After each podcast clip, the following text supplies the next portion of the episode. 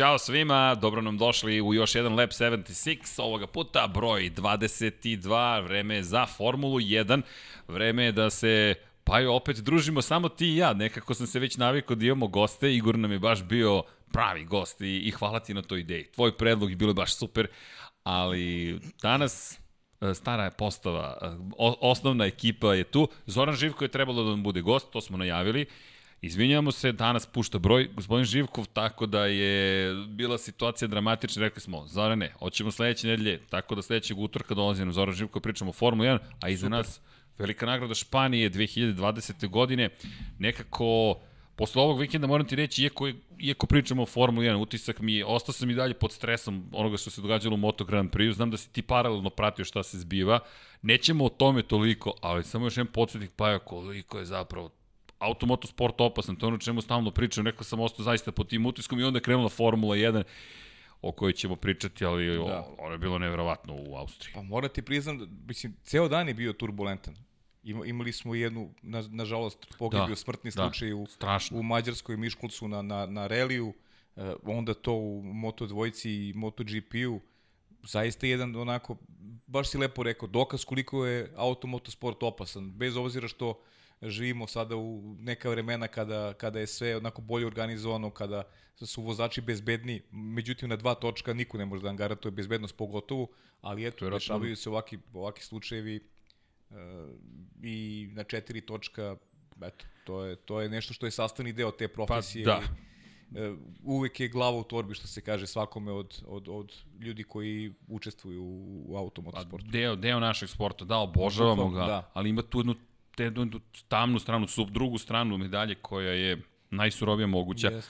ali nekako ceo vikend, kao što si rekao, tako prošao, obeležen, ne znam, čudna atmosfera bila, a, a ironija, pričali smo o nekim drugim potpuno temama, pa smo se dotakli Stirlinga Mosa, uh mhm. -huh. iako smo rekli da ćemo sad u Formuli 1, dakle, dotakli smo se teme gde je rekao, nekada davno Formula 1 bila opasna, seks je bio bezbedan, sad je seks opasan, Formula 1 bezbedna, ali podsjetnik da, da zaista nema te apsolutne bezbednosti i da, da nekako moramo, ne moramo zapravo, ali, ali trebalo bi da postoji ta svest. I za, onda ta pitanje kad neko pita za koga, zašto, kako, ljudi, toliko poštovanja imamo prema, prema ovim sportistima, jer ovo ja mislim da je jedan od redkih, nije jedini, ali sport u kojem svaki put je glava u torbi. Svaki pa jest, put. Pa bukvalno, pa svaka trka uvek e, pomolite se pre nego što uđete vjerojatno u automobil i, I krenete. I, i krenete.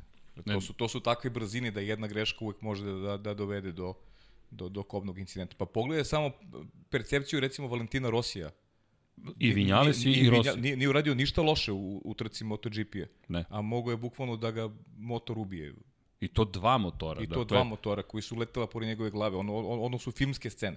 I, I sad možemo njima da pričamo ovako malo, malo i bezazleno da zvuči kako pričamo, a u stvari kad pogledaš one kadrove, ono, ono zaista izgleda, izgleda jezivo. Jedan motor, samo da je zakačio jednog od vozača, mogu da izazove... To, da Ja mislim da bi, nažalost, to bilo to. Verovatno. Nažalost. Jer pogotovo u toj situaciji, pri čemu Vinjales koji diže ruke ovako, dakle Vinjales kome, koji je rekao, čuo sam kako nešto doleće sa desne strane, ne, čuo sam kako nešto klizi sa desne strane, pogledao, video i samo ovako digao ruke. Da, da, to je kao, kao da ste dobili na lutriji nešto, bukvalno. I vidi, Uh, pričamo o tome, Rossi je to lepo rekao, dakle, stalno ponavljamo to, svako neka veruje šta god želi, kome god da se moli ili ne moli šta god.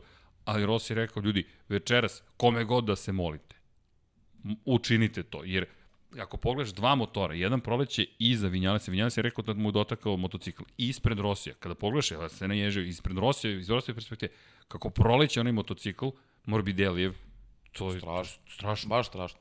I onda još povrh svega doleće Zarkov motocikl pa koji preskače Vinjales. I ono u dvojici, da, da ne pričamo o onoj dvojici isto, da, da dečko ne vidi uopšte motor koji je na stazi, ni, ni, ni mogu da vidi. Ništa I u punoj brzini naleće na motor i on stvarno jezivo. A svi, svi su dobro inače. Svi su dobro, to je najvažnije, su svi dobro. Da. Hafiz Šarinu u bolnici to veče plesao sa Albertom Arenasom, čovjekom koji je pobedio u Moto trojkama, njih dvojica plešu. plešu pa u bolnici. Pleše, pa. Plešite pa ljudi. Živi, pa živi, pa živi. Bukvalno.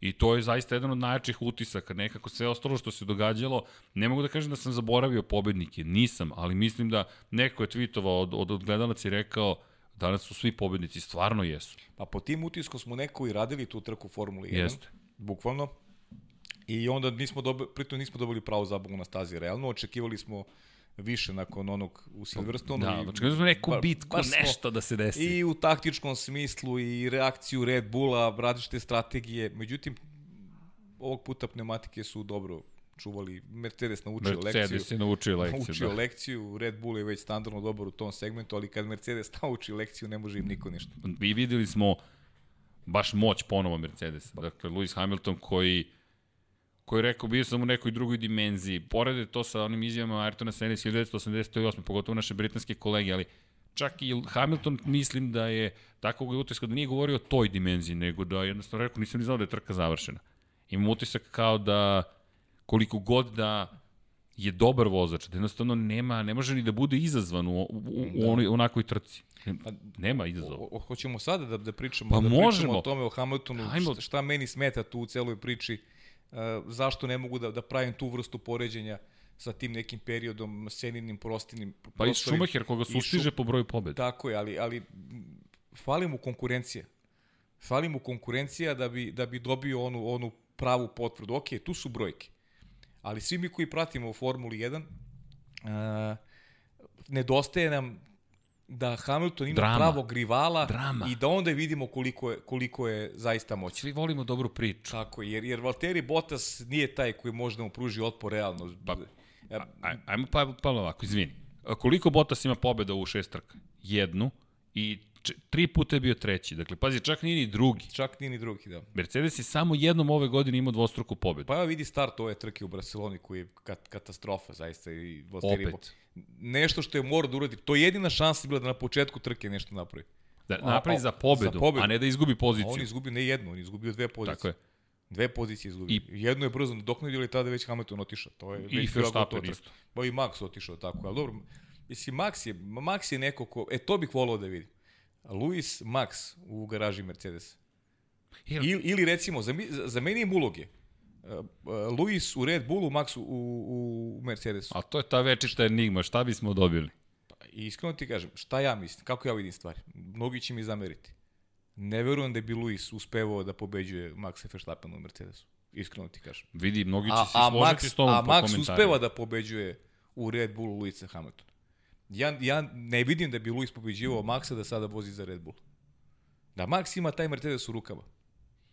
Mislim da bi to baš bila prava dominacija, ali ja tako gledam stvari. Ne, to, ne, ne znači da sam jasno. pravo. Vidi, ja, ja nekako gledam iz drugačije. Kada se vratim na Hamilton iz 2007. kada se pojavio, znaš, to je taj Max Verstappen, to su te godine. Hamilton, mi zaboravljamo, Lewis Hamilton je toliko dugo u, u Formuli 1, izgleda kao da je klinac. Čovek više nije klinac. Ako Nije. pogledaš, on već iza sebe uz 88 pobjeda, broj trka, 256 trka. Ima 35 godina.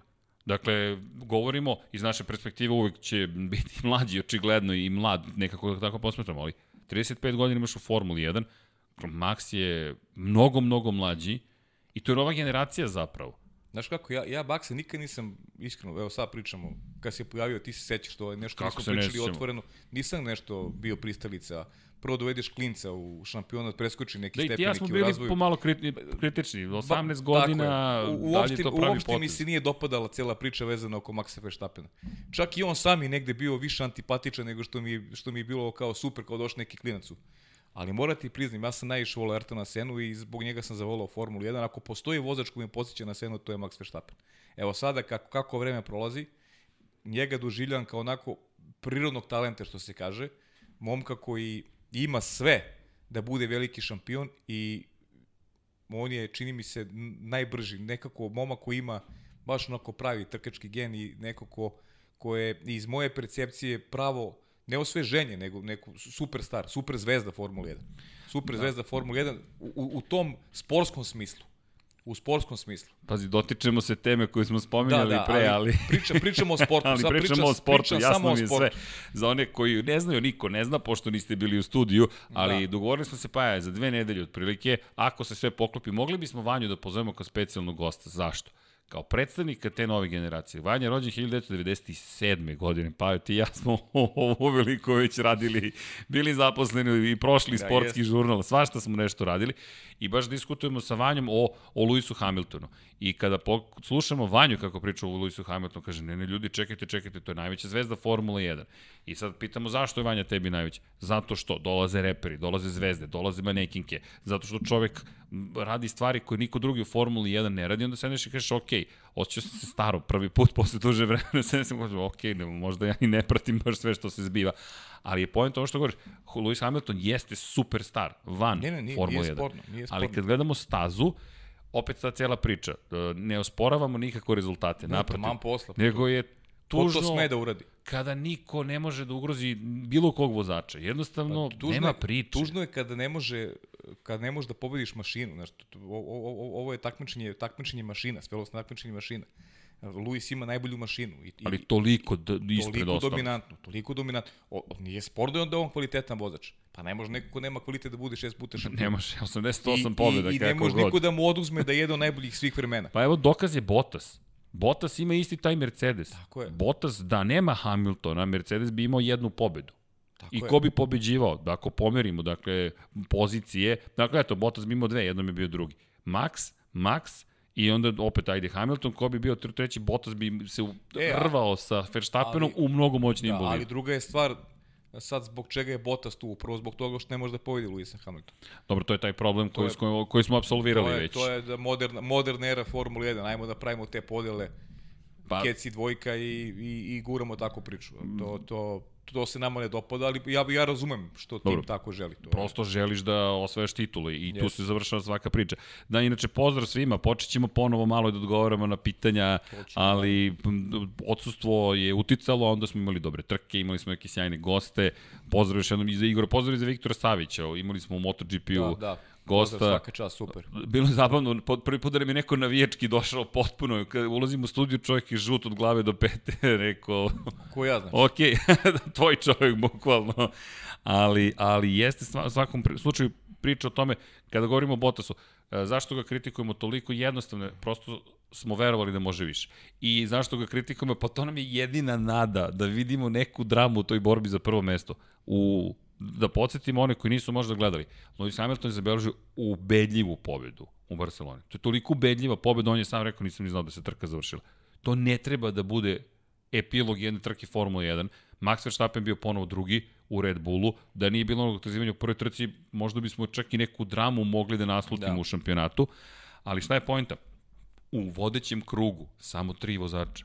E, to je ono što to je To je problem Formula 1, definitivno. To, to. Imali smo nešto slično u, uh, na Hungaroringu, dakle ove tehnički zahtevne staze bukvalno onako preferiraju ove vodeće ekipe i Nemaš u pazi, koga da pogledaš. Pazi, ni jedan, dobro, Leclerc nije završio trku, ali Sebastian Vettel koga obilazi Lewis Hamilton za ceo krug, to je onako zaista brutalno i za Ferrari, loše i za videti iz percepcije četvorostruko šampiona, ali dosadna trka. Ajde da budemo iskreni, dosadna trka. Nije nam, A to je najveći problem, prava reč. Ni jednom segmentu nam nije privlačila pažnju.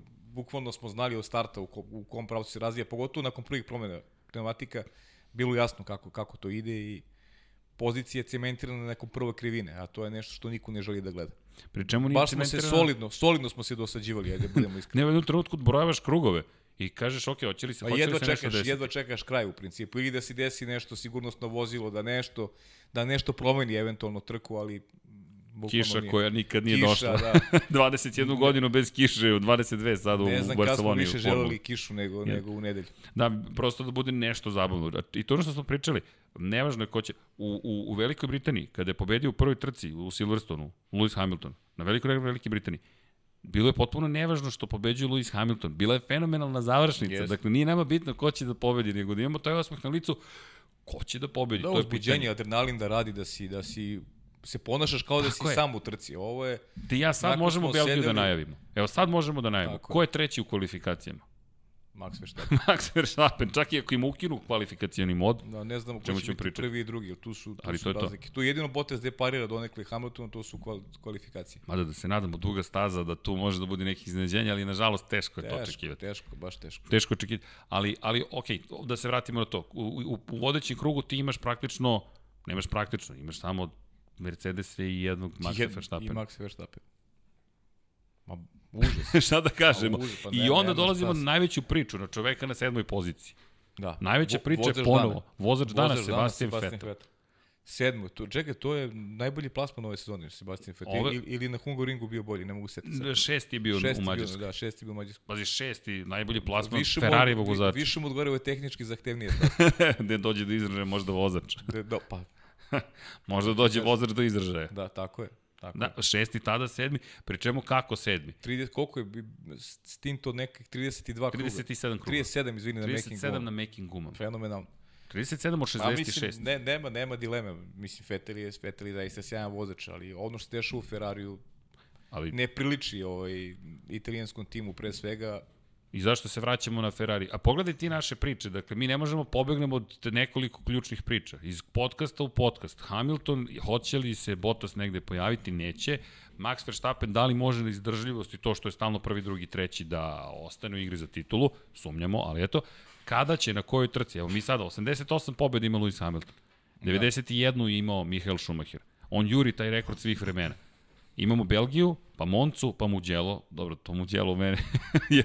Opet ću da skrenem na Mugello. Ne, ali, ali tri, Jao, čekaj nas tri sjajne vikenda. Pa, i, pa, znaš šta, e, došli smo do faze da, da se više radujemo stazama koje posećujemo nego, nego samim trkama. Jer ne znamo šta će nam trke doneti, ali, ali tim kultnim mestima... Ali reci, kakav kalendar iz te perspektive? Pa tri sjajne nedelje. Pazi, Belgija, to, pa Monca, pa Mugello. Meni je to generalno naj, najlepši period uh, u šampionatu. Znaš da najviše volim Spa i, i Moncu, to mi je onako dve omiljene staze i zato se radujem uh, što ulazi, pritom sad Mugello se nadovezuje na Mugello nije kud se pojavi posle Monca. Biće super, volio bih da može Ferrari da napravi malo, da, da, da ga motiviše. Tema da su rekli, naravno dva vikenda ne prave nikakve, ovaj, neće biti promena nikakvih, tako da Verovatno ni u rezultatima neće biti nikakvih Dobro, možda da porade na promeni strategije. Tako je, to mogu. Možda da porade na tome. Tako, to I, I da se vratimo na tu priču o strategiji. Dakle, šta se desilo za, za, za one koji eventualno nisu ispratili? Dakle, Vettel i Ferrari su se dogovorili pre početka trke, između 34. i 39. kruga da promene gume. U 30. krugu dolazi naređenje ekipe, ulaziš na promenu guma. Vettel koji pita, ali rekli smo 34. 39. I još mogu da izdržim na ovim gumama. To je tra, tra, tragično, čak nije ni komično više. Bukvalno je tu, meni je bilo tužno kada sam čitao transkripciju, gde Ferrari kaže sada ulaziš. Vettel kaže jeste sigurni? Da. Ulaze i sad menjaju sa srednje tvrdih na meke. Na, ali, pričamo, a, a, ajmo podsjetnik samo, ako neko prvi put prati podcast Formula 1, meke gume najmanje šanse imaju da izdrže na bilo kojoj stazi. Kamo li u Barceloni? Ti se smeš, ja se smemo. Pa, Pogled sve govori. Strategija, strategija kako uništiti trku Sebastianu Vettelu. A bukvalno kako uništiti trku? Do, dokazati svima da smo mi u pravu što Vettel nismo dali novi ugol. Ali imaš taj utisak? Kako, pa takav utisak imam već jedan duže. Pa pričali smo o, o tim da, stvarima. To, to, meni dalje, ja ne mogu da verujem, Matija Binotto posle trke pritom izjavio činjenica, kompletna rečenica kada se pogleda malo reče, ali je rekao da je Sebastian Vettel zapravo isfrustriran što napušta ekipu i zato su takve njegove izjave na radiju. To su tako, to su dečije Meni sramotno pa to. Pa dečije izjave, to je to je to može dete izjave 12 godina. Pa to Matija Binotto štraj, to je užas, to je zaista užas. Ja mislim da on Tako se ponašati prema svom vozaču. Pa bilo okay, kom. Igri, bilo kom, al bilo kom, nije bilo što je Fred Đovinaci da je u pitanju. Bilo ko. O, ružno, ba, baš ružno. I on šta govori? Kaže, ne, Fetel je besa na nas. U 30. krugu vi kršite dogovor, Dogovor inače kad se krši je problem. Kamoli dogovor koji utiče na trku i kamoli dogovor sa vozačem i kamoli sa četvorostrukim svetskim šampionom. Ali ti misliš da je realno, pričamo, pri, o tome su pričali i Ralf Schumacher, sad zaborio sam koji... Ralf da, Schumacher da, rekao da je razočaran. Da, da li Gerhard Berger, ne, ne mislim da je Gerhard Berger, e, ne, ne, ne vezano za trku sada, nego šta se dešava posle Hungaru ringa gde imaš deo javnosti koji, koji priča o tome da se sada vidi koja je razlika između Fetela i Leclerca. Tada je Vettel bio, bio bolji. Imao značajno dobri, brži u Značajno Mađarskoj. brži. Odjednom imamo drastičnu promenu u Silverstone. Kao da, kao da voze, ok, šasija, levo, desno, imao je, imao je i Vettel neke greške, ali uh, reakcija kolega, znači vozača koji pričaju o tome da, uh, da nije realno, nikako, da postoji sekund razlike između Leclerca i Vettel. Da li ti misliš da je stvarno toliko Leclerc Ne. brži od Sebastijana Fetela za sekund. Ne, tu se nešto dešava očigledno i to nije teško zaključiti. Da se, a ovo, ovo je sada primer. Ovo je otvoreno. Ovo je baš otvorene karte. O, otvoreno. Hoćemo da dokažemo da, da, da, da Sebastian Fetel odlazi iz ove ekipe zato što nije dovoljno dobar. Znaš, to, a to je ta vrsta priča. 1, seti se, i tu su kompromitovali njegovu strategiju da bi izbjegli duel između Leclera i Fetela na stazi. Tako. I on ih je pitao, pa to nije do... I on je rekao, ne, ili u drugoj trci, ali u prvoj trci, da. Prvoj, prvoj u prvoj. I rekao ali ovo nije bio dogovor. Opet se krši dogovor. U Mađarskoj, međutim, da se vratimo još jednom Mađarsku, Fetel menja strategiju uživo, On je tad odbio da ih prihvati, rekao je, a, meke gume? Ne, mislite srednje tvrde gume. Da, da. Da, da, mislimo srednje tvrde gume. Pazi, tad su mogli da, ali mislim na grešku, da, da, da, da, da zapravo mu kompromituju trku. U Silverstonu izbegavaju duel na stazi između Leclera i Fetela. Ok.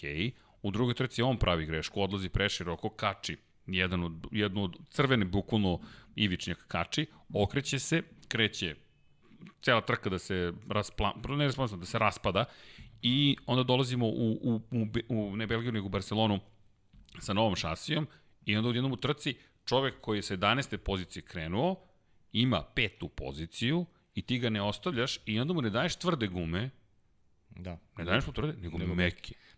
Znaš kako, pazi, potpuno je logično recimo da imamo situacije poput onoga što se dogodilo Niku Hulkenbergu, ne, ne treba zameriti ekipi. Želi su da na kraju Lance Stroll bude bolje plasiran od, Tako od neko ko je gost. Ok, ali, ali učinili su sve da Niko Hulkenberg se osjeća dobro u tom bolidu, da, da vozi jednu dobru trku, znači odnos prema njemu je bio dobar, e, na kraju su poželili da ipak Lance Stroll bude bolje plasiran i Lance Stroll u krajnjem slučaju ostaje u tom šampionatu.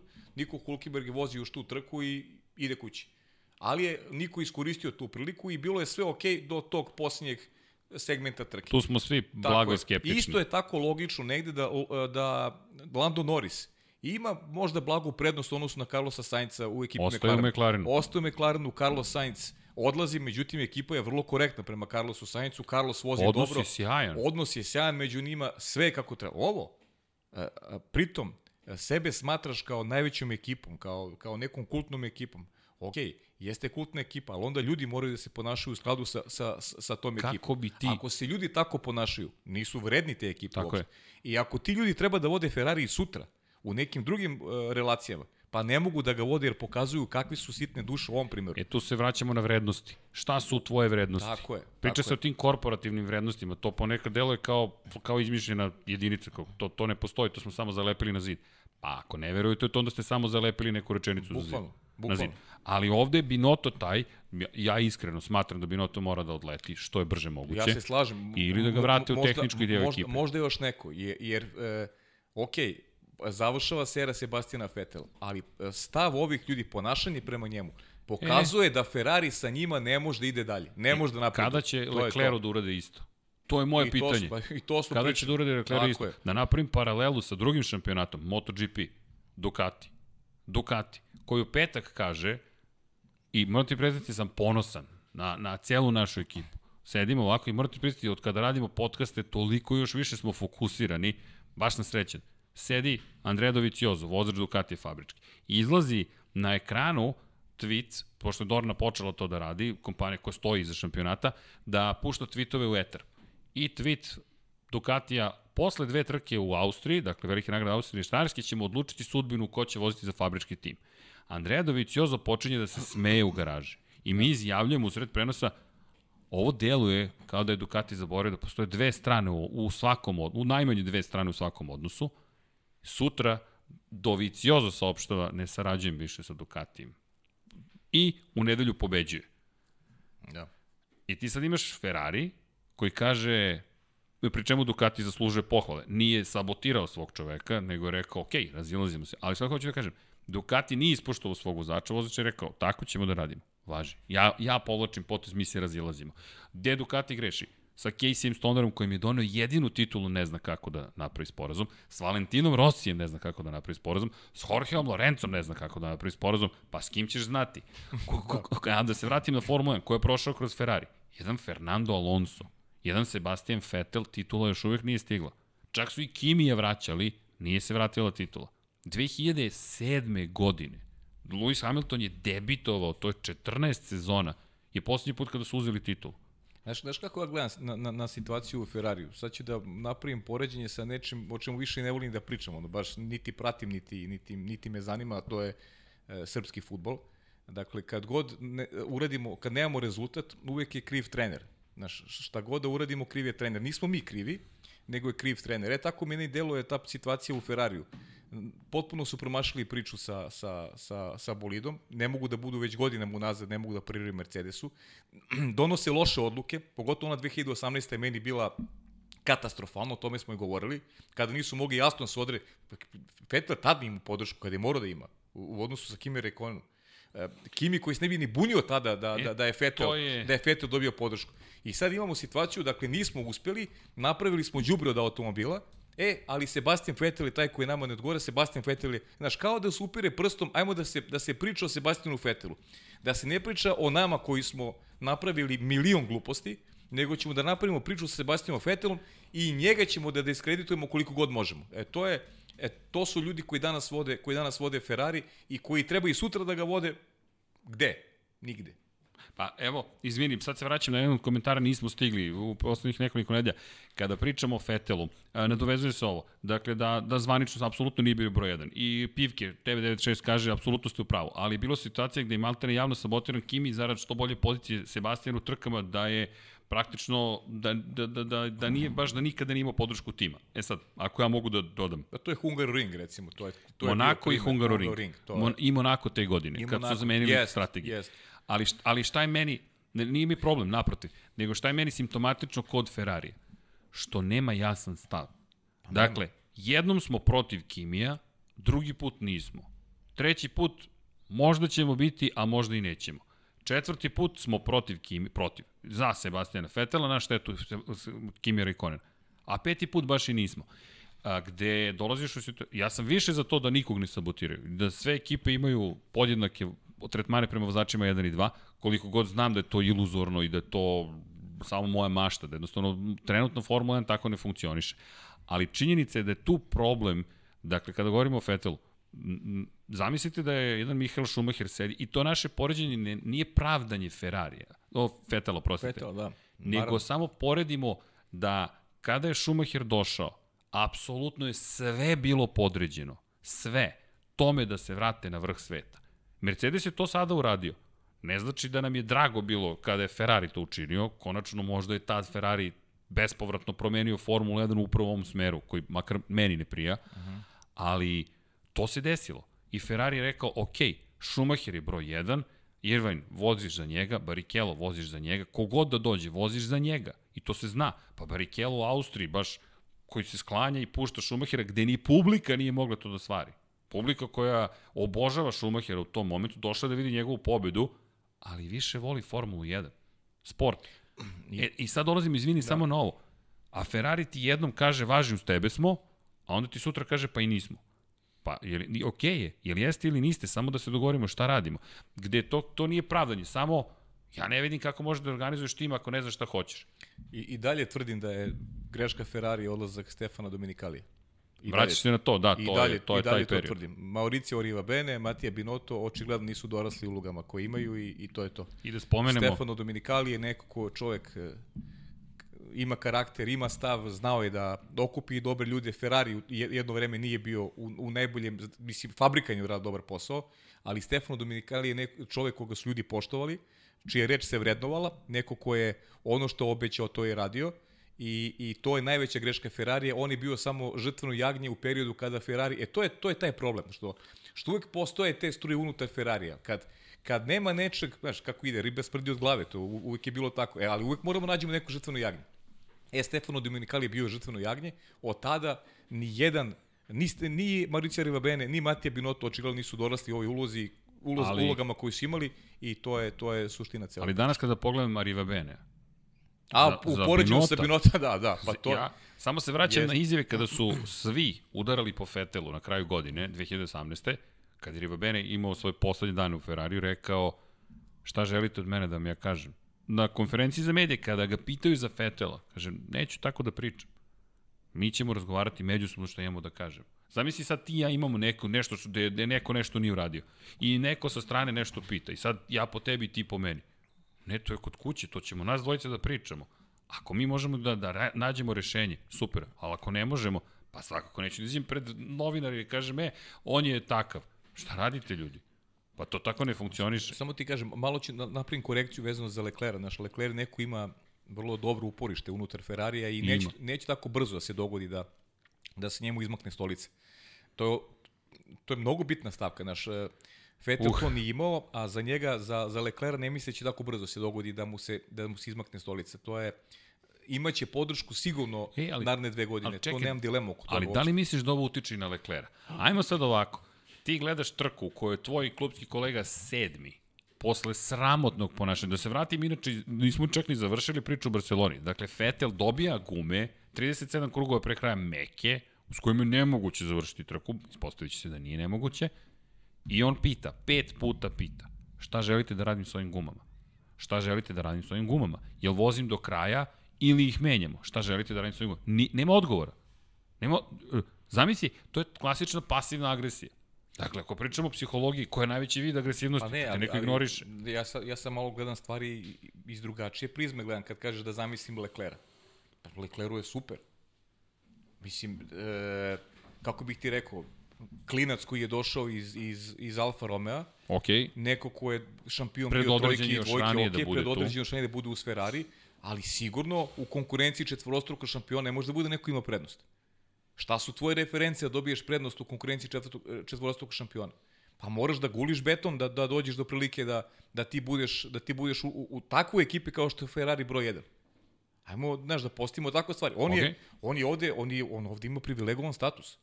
Ti imaš privilegovan status u svojoj drugoj takmičarskoj godini u odnosu na četvorostrukog šampiona. A taj ali, četvorostruki šampion je pobeđivao u Toro Rosu e, ali, i je došao do triumfa. Šta si ti uradio Alfa Romeo? Pa, bio si među osvajačima poena. Bio si među osvajačima, ali nisi nikad pobedio. U, nisi si svoju titulu. Nisi svoju ni titulu. Polako idemo, znači, korak po korak. E, on je do, prošao u, u tom nekom uh, razvoju, dobio je vrlo brzo ulogu čoveka broj 1 u Ferrariju. To, e, to e, ali, nijedan mladi vozač nije dobio tako pa on je drugi privilegije. najmlađi u istoriji Ferrarija, s kojim je potpisan ugovor. Drugi najmlađi u istoriji. Ali i pritom da si, ali čeki, prvi koji je dobio prednost odnosu na četvorostrukog šampiona. Ali, ali, ali čekaj, ali, ali tu, tu, da, samo, da, samo na što se nadovezujem. Pazi sad ovo. Dakle, sad pričamo o Barceloni. I uh, samo, samo eto da kompletiramo tu priču. Vettel koji pita pet puta, to sada svi znaju. Svako ko prati Formulu 1 je već dobio informaciju. Pet puta pita Ferrari, šta ja da radim? Tišina. Dobije informaciju pritom, prekasno, e, jel možeš do kraja na ovim gumama? I on kaže, sad me to pitate. Pa već pet krugova ih vozim najbrže što mogu. I onda se nastaje diskusija konstruktivna. Kaže, ok, i sad objašnjenje, pa da, peti smo, da možemo sačuvamo poziciju. Kaže, ok, šta hoćeš da uradim? I inženjer koji mu kaže, kaže, sad daj mi minut da izračunam. Moraš da voziš 1, 2, 3, 4. Ok, mogu ja to. Ok, mogu ja to. Meni je to evo, šampionska vožnja. A za sedmu poziciju na kraju. Na kraju pet, izgubili dva mesta. Ali pazi sad ovo. I ti sad krećeš u tu celu priču. Publika bira vozača dana, sedmoplasiranog Sebastijana Vettel u Ferrari. I smo i rekli odmah, da, i mi smo ga izdali. Apsolutno. I sad, iz perspektive Leclera, da li sediš i kažeš, ok, mada on jeste mlad čovjek, ne znam šta misli, i vraćam se na gazetu. Gazeta. Prvi put, već u Mađarskoj nije baš da su bili toliko naklonjeni prema tebi. Šta sledeće godine, kad prvi put napraviš kiks? Kao Charles Leclerc. Pa dobro, to bitno je, bitno je da sistem stani iza tebe, znaš, to je To je, ajde, ajde da postavim stvari ovako. Mihael Schumacher, koliko godina mu je trebalo doći do prve titule za Ferrari? Mnogo, došao 96. Ko, 2000 to svoju prvu. Tako. Zamisli, zamisli situaciju 99. recimo godina. I dolazi mu, neko, dolazi mu neki Timo Glock, mlad vozač tada, i Ferrari pola garaže podijeljeno, pola su za Tima Glocka, pola su za Mihala Schumachera. Nemoguće misija. I bi bilo Naprotiv, 99. se spekuliše da su sabotirali Irvajna da ne bi osvojio on pa, prvu titulu posle ajde, ajde da upotrimo reč spekul, spekulisalo, spekulisalo se. Ti ja pamtim u ta vremena i... i, i... Pamtim i žurku Mihala Šumahera posle velike nagrade Japana kada je Ferrari ostao bez titula. Tako je, tako je. Dosta je lepo slavio. Tako je. Uopšte mu nije pala na pamet da pomogne Eddie Irvinu da dođe do... Pričamo o kako jeste, to tako su fotografije koje su pa, dolazile iz Japana. Pa, Proslavio čovek. Na, na žalost pamtimo, pa pamtimo to vreme, na žalost. Vanja ne pamti, tek, tek je bio da. dvogodišnjak. Ali zamisli kaš ti situaciju da dolazi, a sad sam lupio sam, neki Timo Glock koji je kao talentovan i garaža Ferrari je podeljena. Pa eto ti pa ga nema Irvine, titule. Ne, imaš Irvajna koji Tako je, pa ne, ali nema titule, gotovo, to je kraj Mihajla Šumehera, nema šta više tu da traži, gotovo. Čim je garaža podeljena, pa nema on tu ništa više šta, šta da traži. Džaba i taj kvalitet koji ima, džaba sve, Izvini, nema podršku ekipe, gotovo. Vremena, ali to oni su promenili Formulu 1 Ali pogledaj još nešto, to ćemo se vratiti kasnije, eno nam ga kačket Mercedesa. Razmišljamo o Mercedesu. Čoveče, oni su najgore, grozno, hoće da zvuči potpuno pogrešno, ali na, molim vas da, da me svi razumete. Mercedes niko ne spominje. Mi ne spominjemo. Nema šta da spomenemo. Ljudi su toliko nekoj, ne, ne, ne znam, voze Formulu 0. To je, da. nije isto takmičenje, a napravili su sve to što su napravili. Ja čak i za njih, ono što smo rekli, da dovedu Fetela pa da naprave opšti haos u Formuli, ja mislim da će bolje proći. Ovako, štikliramo, uh, Mercedes je pobedio, to se podrazumeva, već ne stižemo ni da ih hvalimo, aj sad da vidimo šta se zanimljivo događa, jer tamo se ništa ne događa. Pa ništa, pa mislim... Pobeđujemo. Sve ono što sve ono što je Ferrari radio u, u, u eri Mihala Schumachera, Mercedes radi danas još bolje. u eri Luisa Hamiltona još, još bolje. bolje. Još bolje. Da, manje, manje se muči, manje rivala ima Luis Hamilton nego što ima Mihala Schumacher u to vreme. Pa čak, pa čak nemaju ni šansu. Evo ti ja smo gledali, baš neko je pitao zapravo koliko Grand Slamova ima Luis Hamilton. To se sad ređa, to nije sad imao, ali i njemu je teško da dođe to. Pol pozicija do Grand Slama koji je nevjerojatan uspeh. Pol pozicija, pobjeda, vođstvo od početka do kraja i najbrži krug. Hamilton ne može da ih naređa koliko god želi. Schumacher ih nije imao u onoj eri. Čak je dva puta Grand Slam ostvario Benettonu.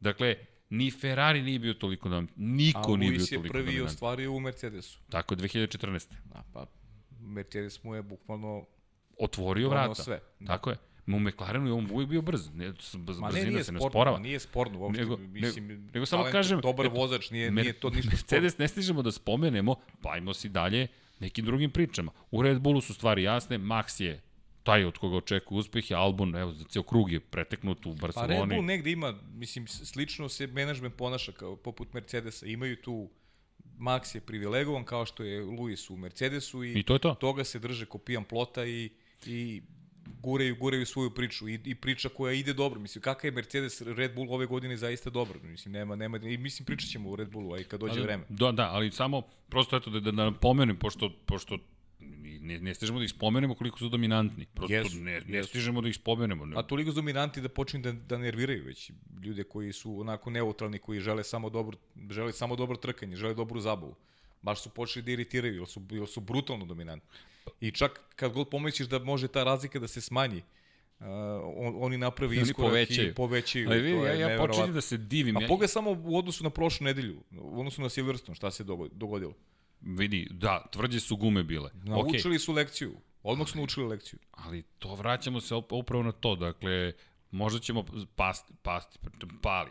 Pretrpeli jedan poraz, bili su na poziciji 2, nisu bili sedmi i osmi, deveti, deseti. Jednom za u ovoj turbo eri, u hibridnoj eri, su imali kiks u, u, u, u, kad smo stigli u Singapur.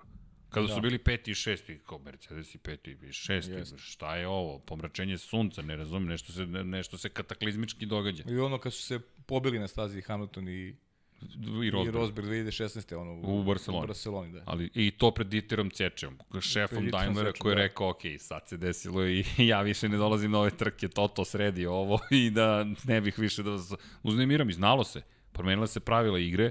Mi se ispratio izjavu Nika Rosberga. Interesantno zapažanje, šta je poručio Valteriju Bottasu? Ne. Da, da mora da, da radi malo više na toj mentalnoj snazi i da vodi taj psihološki rad protiv Luisa Hamiltona, jer on smatra da je Luis nije jak u glavi. Bukvalno se tako izrazio. Zanimljivo. Da. To je zanimljivo. Ali vidi, ajmo sad, ajmo, da, bili su neki komentari da hvala svima, da, da namo strukturu podcastu, neki su bili u suprotni. Nemojte da dajte toliku strukturu.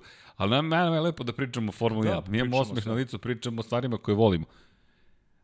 Ja se slažem. Apsolutno se slažem. U kom smislu? Kada govorimo da nije toliko jak. Hamilton je posvećen. Evo, baš smo s Vanjom diskutovali o tome. Vanja koji... Što dovešćemo ga, onda mora da nam Ne, Vanja mora, mora, ali mora iz te kulturološke perspektive. Vanja ne prati toliko formula. Inače, Vanja je navijač Ferrarija. Vanja je navijač Ferrarija, ali kaže da najveći superstar Lewis Hamilton u Formuli 1. Dakle, to pustit ćemo ga da priča u svoje ime. Ali, šta je pojenta? Hamilton, ako se vratimo malo unazad, u vreme McLarena, je neko ko je znao da popusti. I kada popusti, to je, to je, to je završena sezona. Ti tačno znaš, ide početak sezone, dobar, dobar, dobar, dobar, i onda se nešto desi i kreće pad. Sad tad je bio u vezi sa Nicole Scherzinger, zašto to spominju? Ne bavimo se devojkama, ali je pravi jet set život živeo u to vreme. Žurke, putovanja, provodi, svašta se događalo. I onda vidiš na stazi posledice toga i vidiš Hamiltona koji nije toliko posvećen. Onda je rekao, ok, ja sada sam posvećen i tu dobijamo, evo, hvala još na knjigama, dakle, kada pročitate, kad se promenilo, dakle, posle Rosbergovog poraza, gde je Rosberg teško dobio Hamiltona, teško ga je dobio, Rosberg nije toliko talentovan, dakle, jeste talentovan, to ne, ne, ne sporno. Nije toliko, slažem se. Ali nije toliko. Budimo realni, jedva je dobio. Međutim, on jeste vodio rat. Kad vratiš i unazad film i šta je sve govorio. On je bukvalno vodio rat protiv Luisa Hamiltona, ne bili uticao na Hamiltona da napravi negde neku kritičnu grešku. Iako i dalje mnogi tvrde da ona eksplozija motora u Malizi zapravo sabotaža Mercedesa da bi se poklonila titula. Meni je to malo, malo previše. I da, men, i men. Da li su možda s želeli... Na, s obzirom na status koji imao Lewis Znaš, Hamilton i ti, ipak je on prva zvezda u timu. Tako je. Nisam baš siguran da je, da je, da je to bila sabotaža. I da možeš da pre, da računaš da će ti se nastaviti da, era dominacije. Tako, ja bih pre pripisao to ovome. Ovome što je Rosberg rekao. Sam Rosberg rekao, da. Da treba, a to je, to, to je taj otpor koji ne pruža Valtteri Bottas. Nešto je počeo ga, pa, da se batrga. Ali drže ga neko na tankom ledu, on pristaje. To su ti ugovori jednogodišnji koji, koji konstantno potpisuje i imam utisak da uh, on kada to sve izvaga da ipak odabere da pa, ostane dobro. uz Mercedes nego da pokaže otpor i da se bori Vodiš za... jedan lep život. Pa dobri, i to je Voziš tačno. AMG-a, dobiješ dobre ugovore, yes. zarađuješ dovoljno novca da budeš potkrepljen do kraja života. I to je u redu, to, to je legitimno. To je sve okay. Nikoga ne kritikuje zbog toga, nego samo kažemo da bismo volili da su Da smo da u Mercedesu drugi vozač. Da su okolnosti drugačije. da, da, da. da. smo drugi vozač pa Mercedesa. Pazi, a, iskreno. Pa možda, možda bih ja prihvatio takvu ulogu kao što ima Vidi, ja sam pokušao je... se stavim u tu ulogu. Da, pa pokušao sam ja isto. Ja sam čekaj, pokušao. sad razmišljam, kažu ti, vidi, nećeš, nema, nema, nemoj da talasaš previše voziš, voziš Formulu 1, ali povremeno priznam, pobediš. Iskreno, ja sam pokušao, ali nemam želude za to. Ne, ja, ja mislim da bih negde ipak ja dobio otkaz polovinom da, sezone, nemam, verovatno. Nemam želudac, nemam, nemam želudac, definitivno nemam za to želudac, tako da ne bih, ne bih mogu da budem u toj ulozi sigurno. Pokušao sam da razmislim o tome da sebe stavim, ali nemam želudac. Znači Kevina Magnusena u Mercedesu. Kevina Magnusena, Magnusena. on bi pobio i pola garaža. pa čekaj, znaš si Magnusena u Mercedesu. To je najluđa kombinacija koju ja da. mogu da smislim. Dođeš Kevina Magnusena. Znaš, ako sad gledam, sad pre, prebiram tu po, po toj listi vozača i zaista je Valtteri Bottas idealan. Idealan je. Brz je. Karakter, Valtteri Bottas karakter, je brz. Karakter njegov je izmišljen za, za Mercedes. Za vozača broj 2. Da, za Ikeban. Za bilo koga. da vidi, zaživeo tvoj nadnija. Meni je iskreno neprijatno, ali, ali vidim da se da je usvojen, da je tvoj usvojen, predlog, da. da. Ali ništa zaista ne mislimo loše time. Ne, ne, ne. Prosto, prosto... vam posla. Pa, da. Kažem, svaki čovjek ima, ima izbor. To je, to je... I napravio izbor, i to je okej. Napravio okay. izbor i uklopio se negde I sad, u filozofiju Tota Wolfa. I sad se vratimo na Ferrari i Leclerc. Da li će uticati ili ne. Ovo su samo naša razmišljanja. Nemam ja neke argumente sad da kažem. Ja samo mislim da Leclerc u ovoj situaciji počinje da gubi. I ne znam da li Vettel to sad radi namerno ili ne, ili prosto se bavi sobom, ali Leclerc više nije, koliko god da ga obožavaju trenutno, ali i Fetela su obožavali. Ne vidim ga srđeni ja kao gubitnika i dalje. Nikako. Ne. On je veliki dobitnik. On je neko ko isterao svoje. Mlad momak koji ima dobri ljude oko sebe isterao je svoje. Ne vidim ga uopšte kao gubitnika. Pogotovo, aj kaži mi koga ti vidiš u Ferrariju recimo za dve godine? U ovoj konstelaciji snaga. Ko je taj koji bi mogao da ugrozi sada Charles Leclerc i njegove pozicije u Ferrari? Max Verstappen. Max Verstappen. Ok, da li misliš da je Max Verstappen u ovakvom Ferrariju interes da dolazi u ovakav Ferrari? Max Verstappen. Ne. Ja mislim da pre... Ne, mislim da čeka. I to je, i to 2022. Čak, zaboravio sam sada, ja sam sada zaboravio uh, ko je dao jed, jedan vrlo interesantan intervju uh, prijatelj Josef Verstappena, zaboravio, sad sam zaboravio ime. Žao mi jer, jer neko ko ima učešće u, uh, u automotosportu, zaboravio, stao mi je mozak. Ali vrlo interesantno da e, neko ko poznaje dobro Josef Verstappena je rekao da je, da je interes cele porodice i Jos Verstappen i Max Verstappen da im je, da im je cilj da se domognu Mercedes. Dobro, I, i me, ima, i, ima smisla. I meni ima smisla. Ima smisla i tekako. A vidi, Jos je dosta uporan čovek. Na stranu dosta, što je da. sumnjivog karaktera, čovek koji je, je bio na sudu, tu kao je pola porodice. Jer, na, znaš ko je gubitnik u celoj ovoj priči? Ovoj cijeloj priči gubitnik je Ferrari, ne Charles Leclerc. E, bravo. Pozicija e, Charles Leclerc je dobra, a gubitnik je Ferrari. Ko će sa vama kada ste kada bacate ovako niz vodu u četvorostrukog šampiona? Ko će sa vama da sarađuje? Ko je, ko je to ime koji ćete privučite sa ovakvim načinom rada, poslovanja, e, e, odnosa, komunikacije sa nekim ko je, ko je zadužio realno Formulu 1? koji je realno zadužio Formula 1, veliki šampion. Kako se opkojite prema velikom šampionu, a hoćete sutra da dovedete nekog novog šampiona ili neko treba da bude šampion? Moraš da menjaš celu strukturu. Celu strukturu, pa se... Pa, Sve ima otkazi, se krećemo da su Carlosa Sainca, već, već su ga pitali da se pokajao što došao u Ferrari. Pa Znaš, čekaj, je dobio je... pitanje da se pokajao pa... što je prešao u Ferrari. Je, je, jer on u McLarenu ima sve. Ima dobar status, ima, ima uh, nešto se zove dobra komunikacija sa timskim kolegom, odnosi su u McLarenu sada super, znači osjeća se dobro u tom McLarenu. Ideš, gde ideš sada? Već razmišlja o tome šta mene čeka Jel, znaš naredne šta? godine. Ali ja gledam to drugačije. Ja, ja gledam, ok, potpisi ugovor, komitovan si, nema šta. Ti 2021. i drugi moraš da voziš za Ferrari. Ili za koga god da si potpisao. Okay. Ideš, seli se u Maranello, gotovo sigurno, to znamo. To Za njega smo da. i pretpostavili već da će se uceliti. Mislim, će biti radosno što ide iz kišne Britanije u sunčanu da, Italiju. Da. Bliže mu je, bliže mu je. Ovaj. Bliže mu je, pa prosto mu više odgovara temperamentu i karakteru. Ali ja mislim da će on biti jedan ozbiljan bik u celoj toj priči. E daj, da odgovorim na jedno pitanje. Posto, dobili smo pitanje, spomenuo sam Estrelju Galisiju kao, kao sponsor. Odgovorili smo i Inače, kad kažem odgovorili smo, nas je više tu na društvenim mrežama, ali ja gledam Vanju, Vanja, to je ta nova generacija, ali dobili smo pitanje kako može Estrelja Galicija, koja proizvodi pivo, da se uopšte oglasi, to je da se pojavi na Ferrariju kada je zabranjeno da se zapravo reklamiraju alkoholni duvanski proizvodi, pa čisto da pojasnimo, Estrelja Galicija je našla idealno rešenje, Estrelja Galicija 0.0 je proizvod koji se zapravo pojavljuje svugde. S tim što je Strelja Galicija 0.0 prilike to tako izgleda i to je bez alkoholno pivo. 0-0. Ne, ako te dve nule vidiš, Pavle, da. znači ja ti čestitam. Ali su našli rešenje. To je bez alkoholno pivo. A krovni brend, popularna robna marka je Strelja Galicija. I sad ti imaš dozvolu da reklamiraš, pošto nije alkoholno piće, Estrelju Galiciju 0-0, ali niko ne kaže Estrelja Galicija 0-0, svi kažemo Estrelja Galicija. Ko onda dođeš do frižidera i kažeš, aha, to je pivo. Da, to je pivo. Tako da, eto, to vam je trik. Duvanska industrija se upinje da nađe rešenje. Mission Vino je bio uh, da kažemo, projekat društvene odgovornosti Filip Morisa, gde su nas ubeđivali da zapravo to je super za sve nas i ja neću da ulazim sad u diskusiju, možda će nama biti sponzori, vidiš kako polako se prodajemo, šalim se naravno, ali kada govorimo o Filip Morisu, nećemo nikog štediti. Dakle, duvanska industrija nema baš reputaciju jednostavnu. O čemu se radi? Mission Vino je zabranjen, to možete vidjeti na Ferrari. Ferrari trenutno nema ništa pozadi. Filip Morris i dalje daje novac, ali zato ne može da se pojavi. Estrella Galicia može da se pojavi. I duvanska industrija pokušava kroz e-cigarete to da reši, još nije uspela. E sad, dolazi Sainz sa svojim sponsorima, nadam se to odgovor, čisto da znate, dakle, eto, zato mogu, i kaže da li sam ja sada bik, da li ja napadam Leklera, opet doći ćemo novo, Lekler ima podršku, ako imaš podršku da li ti možeš to da slomiš, ja i dalje verujem utici Carlosa Sainca, ali se vraćamo na to da ja ne vidim opet stabilni Ferrari, opet smo završili na stabilizaciji Ferrarija. I pa to je koji, suština, da. da. To je suština, mislim da, je, da su definisane stvari kada je u pitanju i taj dolazak Carlosa Sainca, mislim da jako dobro zna Sainz.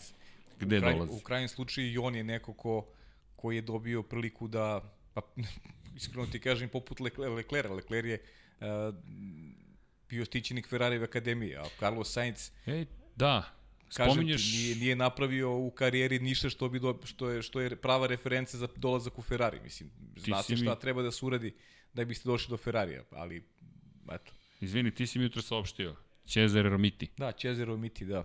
Treba Cezare spomenuti. Romiti, treba, da.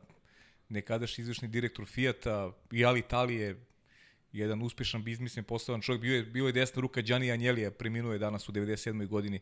E, jako bitan za, za autoindustriju u Italiji generalno, pa mislim za Fiat koji, koji je onako, da kažem... On ga i spasao, pa, krajem 90-ih. Pa, bukvalno, bukvalno ga spasio. Iz, da kažemo, kada je Anjeli otišao iz jedne pa- loše situacije dove u kompaniju koja zarađuje Pritom, pare. Zašto je Fiat bitan? Fiat je taj koji je spasio Ferrari, jer danas ne je bilo Ferrari da nije bilo Fiata. To je onaj period kad Enzo Ferrari imao, usput je i sada skoro je bila i godišnjica smrti Enza Ferrari, to kako se, kako se sve kako se sve ovako povezuje. Uh, Enzo Ferrari imao velike finansijske probleme svoje vremeno i mnogo tužbi na račun pogibija vozača u to vreme, mnogo para je potrošio, nije znao više šta da radi sa ekipom, onda se tu Fiat pojavio kao, kao spasilac jer je Fiat počeo da pravi turističke automobile, a Enzo Ferrari se usredsredio samo na trkanje i tako je bukvalno spašena, spašena imperija. I tu je naravno Gianni Agnelli imao, imao veliku ulogu, Gianni Agnelli koji je ono, manje više tvorac tvorac Fijata i Cezare Romiti koji mu je bio, koji mu je bio desna ruka. Da, i čovek koji je, kao što si rekao, nasledio Njelije zapravo kada je Bukvalno nasledio Đani Anjeli, pa Đani Anjeli njegov vodio kroz posao i, i bukvalno je Romiti taj koji je, pa kažete čovjek koji je bio izuzetan, Romiti koji izvršni je, direktor i Ali Italije. Eto. Koji je, jutro smo proveravali Dakle, makar sam ja proverao, nisam zaista imao sve informacije, čovjek koji je bio u jednoj kontroverznoj situaciji baš tih u tom da, periodu. Da, 87. recimo. Ali je, da, 97. podmićivao malo, da. optužen za, pod, za mito, da. korupciju i tako. Zvali su ga tough guy, žestok momak. Pavle, 97 godina. 97 godina. Da, da, Nije tako, jeste, da, tako su ga zvali, žestok momak. Il duro. El Duro, El Duro, da. El Duro. Vidjet ćemo da može Sainz da bude El Duro. A, to je ono, ono, ono, ono čuveno vreme još tamo iz onog perioda kad je, kad je Sandro Pertini još bio predsednik Italije, pa i tada se pričalo da je i Sandro Pertini se zalagao za, za, za onako, ima tu zanimljivih priča, ima mnogo, ima, ima mnogo priča da, iz tog vremena, da. Da, inače dobili smo zahtev da napravimo priču o nekom drugom sve vremenu Formula 1 i, i, i MotoGP-a, dakle da prođemo kroz te ere iskreno mislim da najemotivniji možemo da prođemo kroz ere kad smo ti ja bili klinci. Dakle, to je kraj 80-ih, početak 90-ih. Da, ono što, što, što negdje i pamtimo, kako smo zavolili Formula. Pa da, da, to su te emocije. Veljko Petrović i, i kompanija. Makar, Uf. da, da, i, i, i Kad da, se setim šta bi, šta bi sve ovi tu čuli od da. Veljka i šta smo čuli generalno.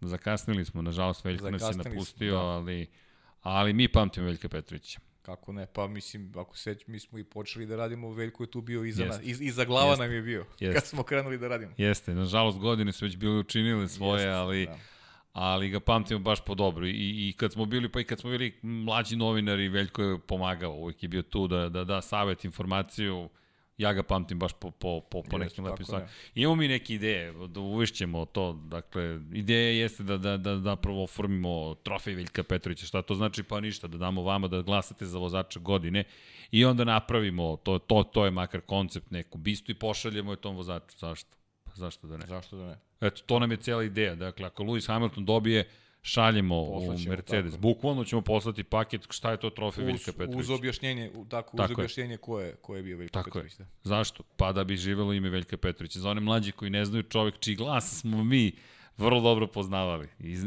Znali, znali su, roditeljska ekipa takođe znala. Kad se čuje Veljko, nemajte ručak, molim vas, da, da se ne bavimo tim sportom sada. Nije prvo Veljko, prvo Veljko poručak.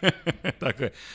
Ali da, no to bi bilo zanimljivo čuti. Inače, Veljko, to moram da spomenem, to je Deki Potkonjak pričao, je imao svetsku ekskluzivu i on ju je saopštio uživo u prenosu, niko na ovim prostorima makar nije, ne niko, ali većina nije shvatila šta je saopštio. U razgovoru ni manje više s Bernim Ecclestonom, Berni mu je saopštio da se penzioniše Šumahir. I prvi koji javno saopštio bio Veljko Petrović. To se ne zna ali Veljko je saopštio pre svetskih medija da je Šumahir rešio da se penzioniše. Neverovatno, ona prva penzija. Pa da, okay. koliko je Veljko bio u stazu, u tome. u tome pa i ta druženja i sa poznanstvo i sa Artonom Senom i Jest. ima tu, ima tu svega, zaista. Baš je onako čovjek od koga mogu da se uči da se čuje svašta. Da. Baš da se čuje svašta. Baš je znao šta se događa iza kulisa. Jeste. Jedan, jedan super tip, zaista. Pa ko ti jednog dana za nekih 3-4 godina kad budeš pričao o MotoGP-u? Bilo bi neverovatno, ali da. da. Vidjet ćemo, proširimo to i na formulu, da. Da, to, pa to, to, radimo na tome, pa ne, ne odustajemo ti ja. Nismo možda il duro, ali smo i luporno. Da, da i luporno, i luporno, da. Nećemo se preti, da, za MotoGP, ko zna, možda čak i ove godine probijemo taj karantin pa se super, pojavimo tamo. Super, da. Radimo, trebalo je sad za Štajersku, ajde tamo mogu sad da kažem, Međutim, ja u posljednjem trenutku... Za malo tu pitak u da, ne vidi, sve smo skoro završili, toliko papira da, treba. Znam. Dobili smo i poziv Republike Austrije i za lekare i sve smo dobili i onda opet fali ti FTMP. fali ti još jedan to, pa papir. Pa ko zna što to dobro to je? Vidi, sve okej. Okay. Takva vremena, pa ajde, biće, biće, biće bolje prilike. Biće da. prilike, biće prilike, a čekam i tebe, čekam da, da idemo zajedno malo MotoGP da vidimo. Može, može, ajde, dogovorit ćemo se nekom priliku kad se bude, kad se ukaže. Kad, pa biće prilike. Kad bude manje posla. Da. da. Zove me juče prijatelj i kaže, znam da si imao 13 prenosa, rekao, ne znam više koliko smo prenosili, znam da, da znam koga ću videti sigurno na sport da. klubu. Jel, tebi sad ide jedan malo normalniji vikend. Pa ja sam sad, ja sam sad na odmoru, znaš. Ti, ti si zvanično na odmoru. Evo, spec, gde provodiš vreme, gde odmaraš? Gde pa, letuješ? Pa rekao sam vanju, u studiju na kraju univerzuma. Me uvu pitali gdje si bio u studiju na kraju univerzuma. Je li pun pansion ili... Sjajno. Polupansion, dobro. Gde se to nalazi, neću da vam kažem.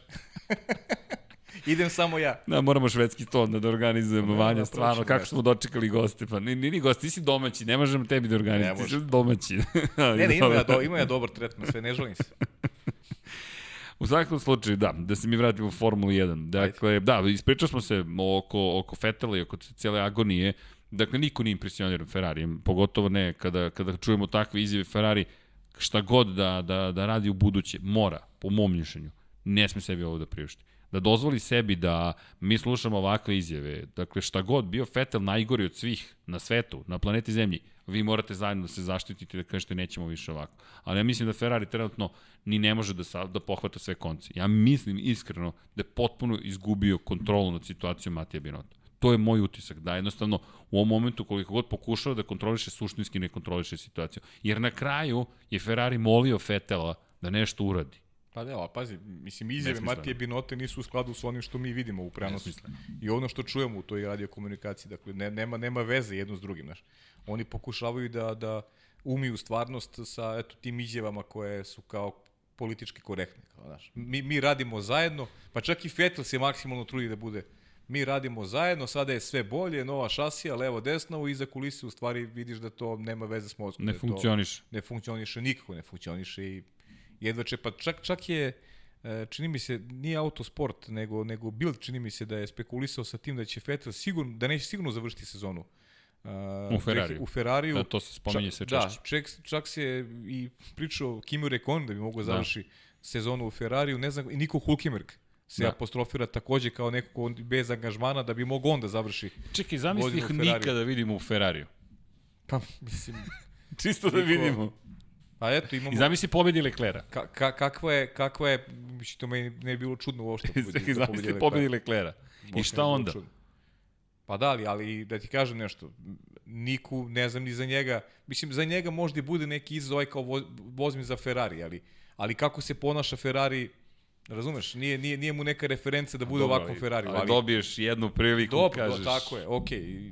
Kažeš, iz, iz tog nekog sportskog ugla jeste, vozio se za Ferrari. Ferrari, Mercedes. Ali niko je priča nevjerovatna, zaista, kad smo se već njega dotakli. Mercedes yes. koji je razmišljao u to vreme da je Lewis Hamilton odbio, doveli bi Nika Hulkenberga. Pa smo imali tu priču Uh, Hteli Kimi smo Nika, ali smo doveli Raikkonena. Da, Kimi Raikkonen uh, koji je Ne, ne, ne, hteli smo Nika, smo doli, da, to je Ferrari. Da, to je Ferrari, hteli smo Nika dobili Mercedes, smo Kimije. hteli smo Luisa da nije hteo da bi Nika Hulkenberga. Svuda je negde Niko bio, a, ni, a nigde nije završio. Svuda je Niko bio, da. ali, ali, ali nigde, a niko, niko nije hteo. hteo da. Ček, ovde se nešto desilo. Vanja je se pojavio u kadru, vi ga ne vidite, ali ako čujete neku buku, to vam je rad iza kulisa. Vanja igra ulogu automehanika. dakle, sad je podio samolepljivu traku. Ispod, ispod Ferrarija i, i nešto radi, ali to je taj NASCAR style. NASCAR style, jeste, ispod Ferrarija. Uzva nije NASCAR, ispod Ferrarija. Da, Ferrari da, da, style. da, da, da, da. Vettel style. Fe, ne Vettel znam, style. u ovom trenutku, ali srušit će sto kako je nastavio. U svakom slučaju, jesmo živi, Vanja? Jesi ti živ? Evo, thumbs up. Dobro je sve okej. Okay. Dobro je sve okej. Okay. Nego, kad pričamo o tome kome ide sve od ruke, Racing Point, četvrti i peti, pa je, vratili su se na poziciju 3 u šampionatu sveta konstruktora. 63 poena uz onih oduzetih 15 bodova, imali bi 78 i jedan poen više od McLarena, dva više od Ferrarija i, pazi sad ovo, 63 za Racing Point, 36 za Renault koji nastavlja da ulože žalbe, Čisto da ne zaboravimo, Legitimno. rat traje. Rat traje, da. I samo se usvajaju primetbe na te kočnice koje su tehnički ispravne, ali na sportski način nisu, steknute, nisu stečene legalno. I onda svi postavljaju pitanje, pa ako nisu stečene legalno, kako, kako mogu biti ispravne? legalne? Kako su ispravne? Vidi, pa nešto sam ti uzeo, ali i dalje je okej, okay, pošto je tehnički pa, jasno, ispravno. političke igre, evidentno, i Ima, ima tu ima mnogo šibicarenja, definitivno. Aj sad malo progledajte kroz prste, pa mi ćemo vama da učinimo tako je. sledeće godine i sve I tako ko zna šta ko traži. Jer vidi, McLaren i Williams su se povukli iz svojih protesta. Povukli su svoje proteste. A pa dobro. Ali... A pa čekaj. A najbolje da se protestuješ protiv Mercedesa, pa ne, Nije... I da kažeš, mi, mi želimo vaše pogonske jedinice. Ma, malo su mi smešno nizi Adriana Zajdla, ono, baš, baš je, koliko god, stvarno ima veliko poštovanje za njih, kako su hemije napravili unutar ekipe, ali Znaš, za oni koji mi, ne znaju. Mi nemamo ništa protiv Racing, mi nemamo ništa protiv dakle, Mercedesa, nego protiv Racing Pointa. pa čekaj, pa čekaj. Pa da, i Toto Wolf, šef Mercedesa, kaže ovo nikakve veze nema s da, Mercedesom. Da, nema, ja nemam, nemam predstavu o čemu mi pričate. Ali, ali šta je meni tu zanimljivo? Williams i McLaren su prvo uložili žalbu. Williams koji koristi već pogonski jedinici, dugi niz godina to čini. McLaren koji će od naredne godine da koristi i ti uložiš žalbu. Prvo smo se iznenadili, otkud žalbu. Da, da. Ali šta je, šta je moja teorija? Pregovori. E vidi, mi smo uložili žalbu. A možemo i da je povučemo. Da, vi imate moć, ali nemate apsolutnu moć. Tako je. Šta dajem, šta mi dobijemo za to što to će mi da povučemo. I tako ja gledam, svesno su je, svesno su je i, i, I uložili. uložili. Pa da. E, mi možemo da se žalimo. Sa, sa idejom, sa idejom da telefon drža ovde ovako.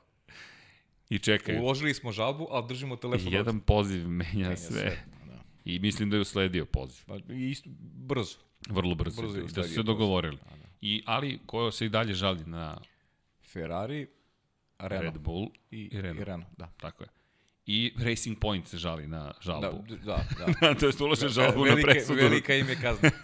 Prevelike kazna. Na dobro, ko žale se, žale se oni koji ne koriste Mercedesove agregate. Da. Dobro, Racing Point jeste izuzetak, ali kaže prosto prevelika kazna i mi ne želimo uopšte da, da imamo tu vrstu kazne, 15 pojena oduzimanja. Pa ne znam, mislim da će proći, da će tako i da prođe. Ja mislim da je trgovina Concordom. Da, da je da, samo da, pitanje da. šta ćeš za 2022. da dobiješ. Bravo, tako je. Da je tako to jedino pitanje. Tako je. Jer Ferrari je dobio status istorijskog tima. Dobio je opet Aha. više para u raspodeli budžeta. Mercedes se žali da je najgore prošao od svih, dakle, ne znam kako baš zato najgore su, zato Su, pa nisu i dalje potpisali. Nisu još potpisali. Danas je koji? 17? 18. Pa dan, danas je posljednji danas, dan. Danas je posljednji dan. Danas je posljednji dan. Čekamo. Treba pogledamo. Čekaj, pogledaj, čekaj, ajde da vidimo. Evo idi, snimamo. Idi na, idi na autosport. Da vidimo. To je možda najbolja. Da vidimo šta se događa dok mi radimo. Da. Šta drugi rade. Pa ništa, poslednja vest je zapravo da da, da, da Wolf kaže da Mercedesova uloga Racing Point slučaju je besmislena. Normalno. to je poslednja vest. Ali dobro. Ali danas je posljednji rok. Da, danas je posljednji rok. Potpisivanje konkurda. On produžen je sa 12. na 18. pa eto, ako gledate ovo, a znam da gledate. Gledate ili slušate. Slušate, da. ovaj, obavezno eto, pogledajte negde, raspitajte se, pošto mi nemamo trenutnu informaciju da li je Mercedes potpisao Concord ugovor, ali verujemo da hoće, jer nema razloga da ne popiše za 2021. godinu. Opet, i to je deo trgovine, i to je deo nekog pritiska koji vrše Toto Wolff i društvo, prepostavljam. Pa svako na svoju stranu. Svako na svoju pa stranu, naravno, ali, ali Mercedesu sve odgovara, mislim, dve naredne godine i smanjeni budžeti, oni su dominantni imaju priliku da da vidi budžete su potrošili ove godine. Tako je. DTM su to smo rekli, manje da, više ukinuli. Ukinuli su DTM, ne postoje. Gledamo DTM šampionat i našim programima, imamo i DTM koji nije Šteta. to to. A, a pre samo 3 godine kako je to izgledalo? Da, bilo bilo sjajno. Bilo zaista. Pa tada smo nekako i ti ja više bili aktivni u tim. Jeste. Imali smo vremena da stignemo i da se bavimo. Ti si baš baš bio aktivan. I... Jesam, ali bilo je super, zaista. Bilo, je bilo lepo videti Toto Wolfa u Jeste. na tim trkama, ako dolazio da gleda aktivno, imali su i sjajnu postavu i baš je gledali smo i Pola Di Restu, recimo, u to vreme Real. Restu je bio najmlađi šampion DTM. Jeste. I tako je došao u Formulu 1. Sad opet Rene Rast da dominira. Vidim da je pobedio u prošlu trku. Da, Rene Rast, poznato, poznato lice iz nekih drugih Jeste, takmičenja. Jeste, i Porsche Super Cup i DTM, Cup, da. Tako je. Ali u svakom slučaju, da, da, dakle, Mercedes utisak da trguje, kao što svi trguju. Sad Ferrari je dobio jedan ustupak, ko zna koji će dobiti neko drugi ustupak, da li Red Bull, da li Renault, ko zna ko, šta ko tu traži. Ne zaboravimo još jednu stvar McLaren naredne godine će potrošiti te takozvane tokene za promenu bolida na prilagođavanje bolida Mercedesovim zapravo pogonskoj, Mercedesovoj pogonskoj jedinici. Samim tim će zaostajati u odnosu na rivale kada je reč o tome da unapređuje bolid tokom sezone, što nije mala stvar. Mi ne znamo da li će se odjednom stvoriti još neki tokeni, neki žetončići i gde će se reći, ej vidi, izuzeci su čudesni. Kao što u MotoGP čekamo da vidimo Yamaha kako će da se izvuče iz problema. Yamaha koja je zapečatila svih pet motora kod svih vozača i već je počela da spomenje da će biti potrebna pomoć da ih otpečati i popravi i da će morati tražiti uzeće kod rivala. Ja, ja nešto ne vidim zaista tamo da će iko isto da uradi kao u Formule. Zato je ovo sada zapravo trgovina. Mi ne znamo šta se događa iza kulisa. Pa da, pa saznaćemo. Trudimo se da saznamo. Da. I, i saznaćemo. Ej da, potvrda Istanbula. Čekaj, Istanbul. Pa, Čekaj, pri, malo pred se slušam kako pričaš o, o ekskluzivama, pa imamo i mi ekskluzive. Da, Istanbul, čekamo još da izađe izvanično saopštenje, ali manje više to je, to je potvrđeno. To, da. Pa da, potvrđeno, potvrđeno. Pa rekli smo. Ja, čekam.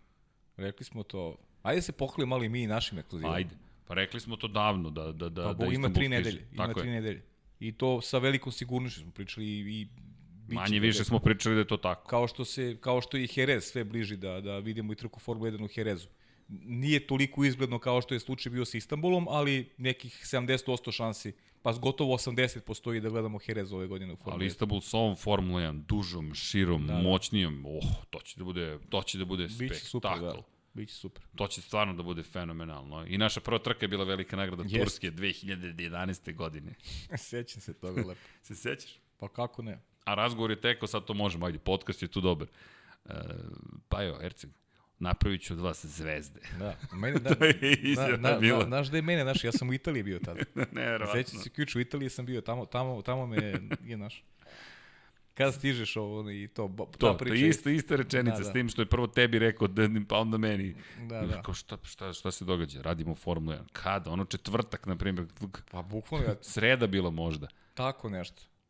Spremite Tako se, nešto. u petak krećemo. Šta, da, da. krećemo, da. gde krećemo. Možda čak i koji dan ranije, ja znam, da, da, da nije, nije ni bitno, ali baš, baš se sećam gde sam bio. Zabavno je bilo. Da. Zabavno, evo deseta sezona. Deset, da. Nešto si mi posedeo među vremenu. što bi rekao Toni Montano, 10 godina je prošlo kao tren.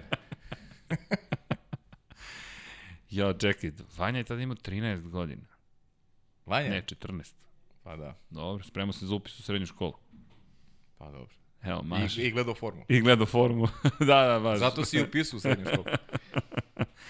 Vanja, Vanja, Vanja, bit će on zanimljiv gost. Vanja je superstar. Ali, dakle, kada govorimo o, o, o generalno onome što nas čeka, da, rat se nastavlja, Racing Point bio sjajan, četvrti, peti u Barceloni. E, odlični, Stroll, da. Odlični zonu, u, zonu, u zonu kaznu Serhije Pereza, sad videli smo i tokom trke koliko je opravdana, koliko, čak sam na strani sam malo Serhije Pereza. Ja mislim Znaš, da ona nije za kaznu. Ni, ja Najiskrenije. Da, za, se... zato, što se, da, zato što se uopšte ne vidi ne vidi se neka želja Serhijova da da napravi da napravi daš on je on je na kraju propustio čoveka. Ja vidi takvih smo se incidenata nagledali. Možda nije iste Niko sekunde kad je ugledao Plauz, ali on je propustio čoveka. A inače ugrozio je trku. Ništa da, nije Umesto za kru, za dva kruga preteknuti su za krug. Otprilike da. na to je to toliko. Taj level, da. Ne, potom, pri čemu, glupost. meni to deluje, ali to je problem, obesmišljavanje stvari. Dakle, obesmišljavate stvari, dakle, da, okej, okay, možete da kažete, do, zašto ni dobio crno-belu zastavu? Zašto ste je uveli sada u trkanje ako sad ste odlučili da ne primjer? Ok, upozorite ga i vodi računa o, o njima trojci koji te obilaze za ceo krug. Ne, to je, to, to je ono kao, eto, i mi radimo nešto. Nešto radimo. Znaš, mi nešto radimo. Eto svrha našeg postojanja, kao mi smo neko kaznili, zašto ste ga kaznili? Da, to smo videli u glupost, Austriji, to mi ćemo pričati. Glupost. E da sutra snimamo podcast za MotoGP, ali videli smo u Austriji, prolaze kroz cilj, drama u Moto trojkama, e, ipak nisi treći, četvrti si, a nisi ni četvrti, nego si peti, a nisi ni peti, nego si šesti, zapravo, a ti dođi sada na pobedničko postoje. Ne, šalili smo se, ni ti ne ideš na pobedničko postoje, aj ti dođi na pobedničko postoje, to... na kraju šestoplasirani prolazi do obje treći, jer si sišao ovoliko sa staze. Da. U momentu kada, i zašto smo i počeli sa tim, opasan je sport, opasan je sport. I da, razumem liniju, ali ja ne mogu zaista da vidimo u, u, u tom momentu ti se trkaš sa 5-6 vozača, ko će kome lakat, gde će, šta će, i svi se divimo tome i onda kaže, e, ali... Znaš šta je opasno meni, neko iz moje prizme, za bilo koji sport, kad, kad odlučuju ljudi koji se nisu bavili sportom. A mislim da toga ima mnogo u sportu. Ima dosta. General. Ne samo u MotoGP, u Formuli. Ima mnogo, ljudi nemaju osjećaj, nemaju osjećaj e, šta se dešava na, na terenu. I onda iz te neke, neke svoje vizije, neke svoje prizme e, donose odluke koje su potpuno onako glupe, ajde, mogu slobodno potrebim taj izraz. I, i to sam doživeo, uh, eto, radići ovaj posao, da, da, da u, u mnogim sportovima da odlučuju ljudi koji su bili oslobođeni od fizičkoga, a ovde imaju kao neko, naučili su kao pravila i drže se striktno nekih stvari ko, ko pijan plota i, i a nema mnogo konekcije sa, sa, sa onim što je, što je sport u nekoj izvornoj formi. I, pa, ali dobro, to su da je nešto na što možemo eto da možemo samo da konstatujemo, ne možemo ništa da promenimo. Pa evo, podsjeća me to sad na priču o Janu Stovičeku. Ne znam da li znaš ko je čovjek. Mislim ne znam. Ne znam. Čovjek koji predvodi tužbu protiv Andreja Janonea za doping. A, pričali smo o toj tužbi, nisam znao, nisam znao ko je čovjek. Stoviček je neko koji, i dosta je kontroverzna ta cela priča, Stoviček je advokat. I Stoviček je sada mnogo važniji u celoj priči i od Janone od svih ostalih. Ja, ja nemam ništa protiv, moji prijatelji su mnogobrojni advokati. Ali kako bih ja ušao u advokatsku komoru i krenuo da im objašnjam kako treba da funkcioniše sistem advokature. Došli su i krenuli, pri čemu ne, ne branim Janone, ali način na koji je selektivno izabrano šta će i onda meni vrhunac cinizma u velik, na velikoj nagradi Austrije Stoviček je taj koji uručuje pobjedničke trofeje. Ko si ti da se tu pojaviš? Da. Predstavnik Međunarodne motociklističke federacije. Super. A pored tebe austrijske legende, momci koji su bili pobednici u svetskom šampionatu Superbajku, ali ne, Stoviček je bitniji. Zašto? Zato što se pita nešto. Pa da, pa mnogo u sportu ima tih satelita Fuj. koji više žele da se ovajde od sporta nego što imaju dodirnih tačaka i onda imamo tu te kontroverze glupih odluka, naš, Ali zašto guraš Stovičeka? Neprincipijalnih. Zašto kontroverzna ličnost ti njega stavljaš na pobedničko postolje? Zašto? Zašto? Da, da bismo znali da se Stoviček pita ili da mu pokažeš mi stojimo uz njega. Ne zanima.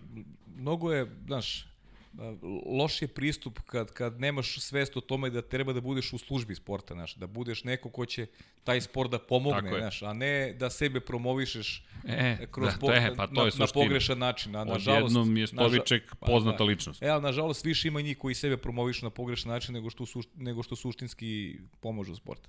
Da, ja imam poseban problem sa, sa sportovima kao, kao što je, na primjer, automoto sport gde su ljudi izloženi ozbiljnim opasnostima, kao što je skijanje, na primjer, Dakle, spust je vrlo opasna disciplina. Skijaški skokovi.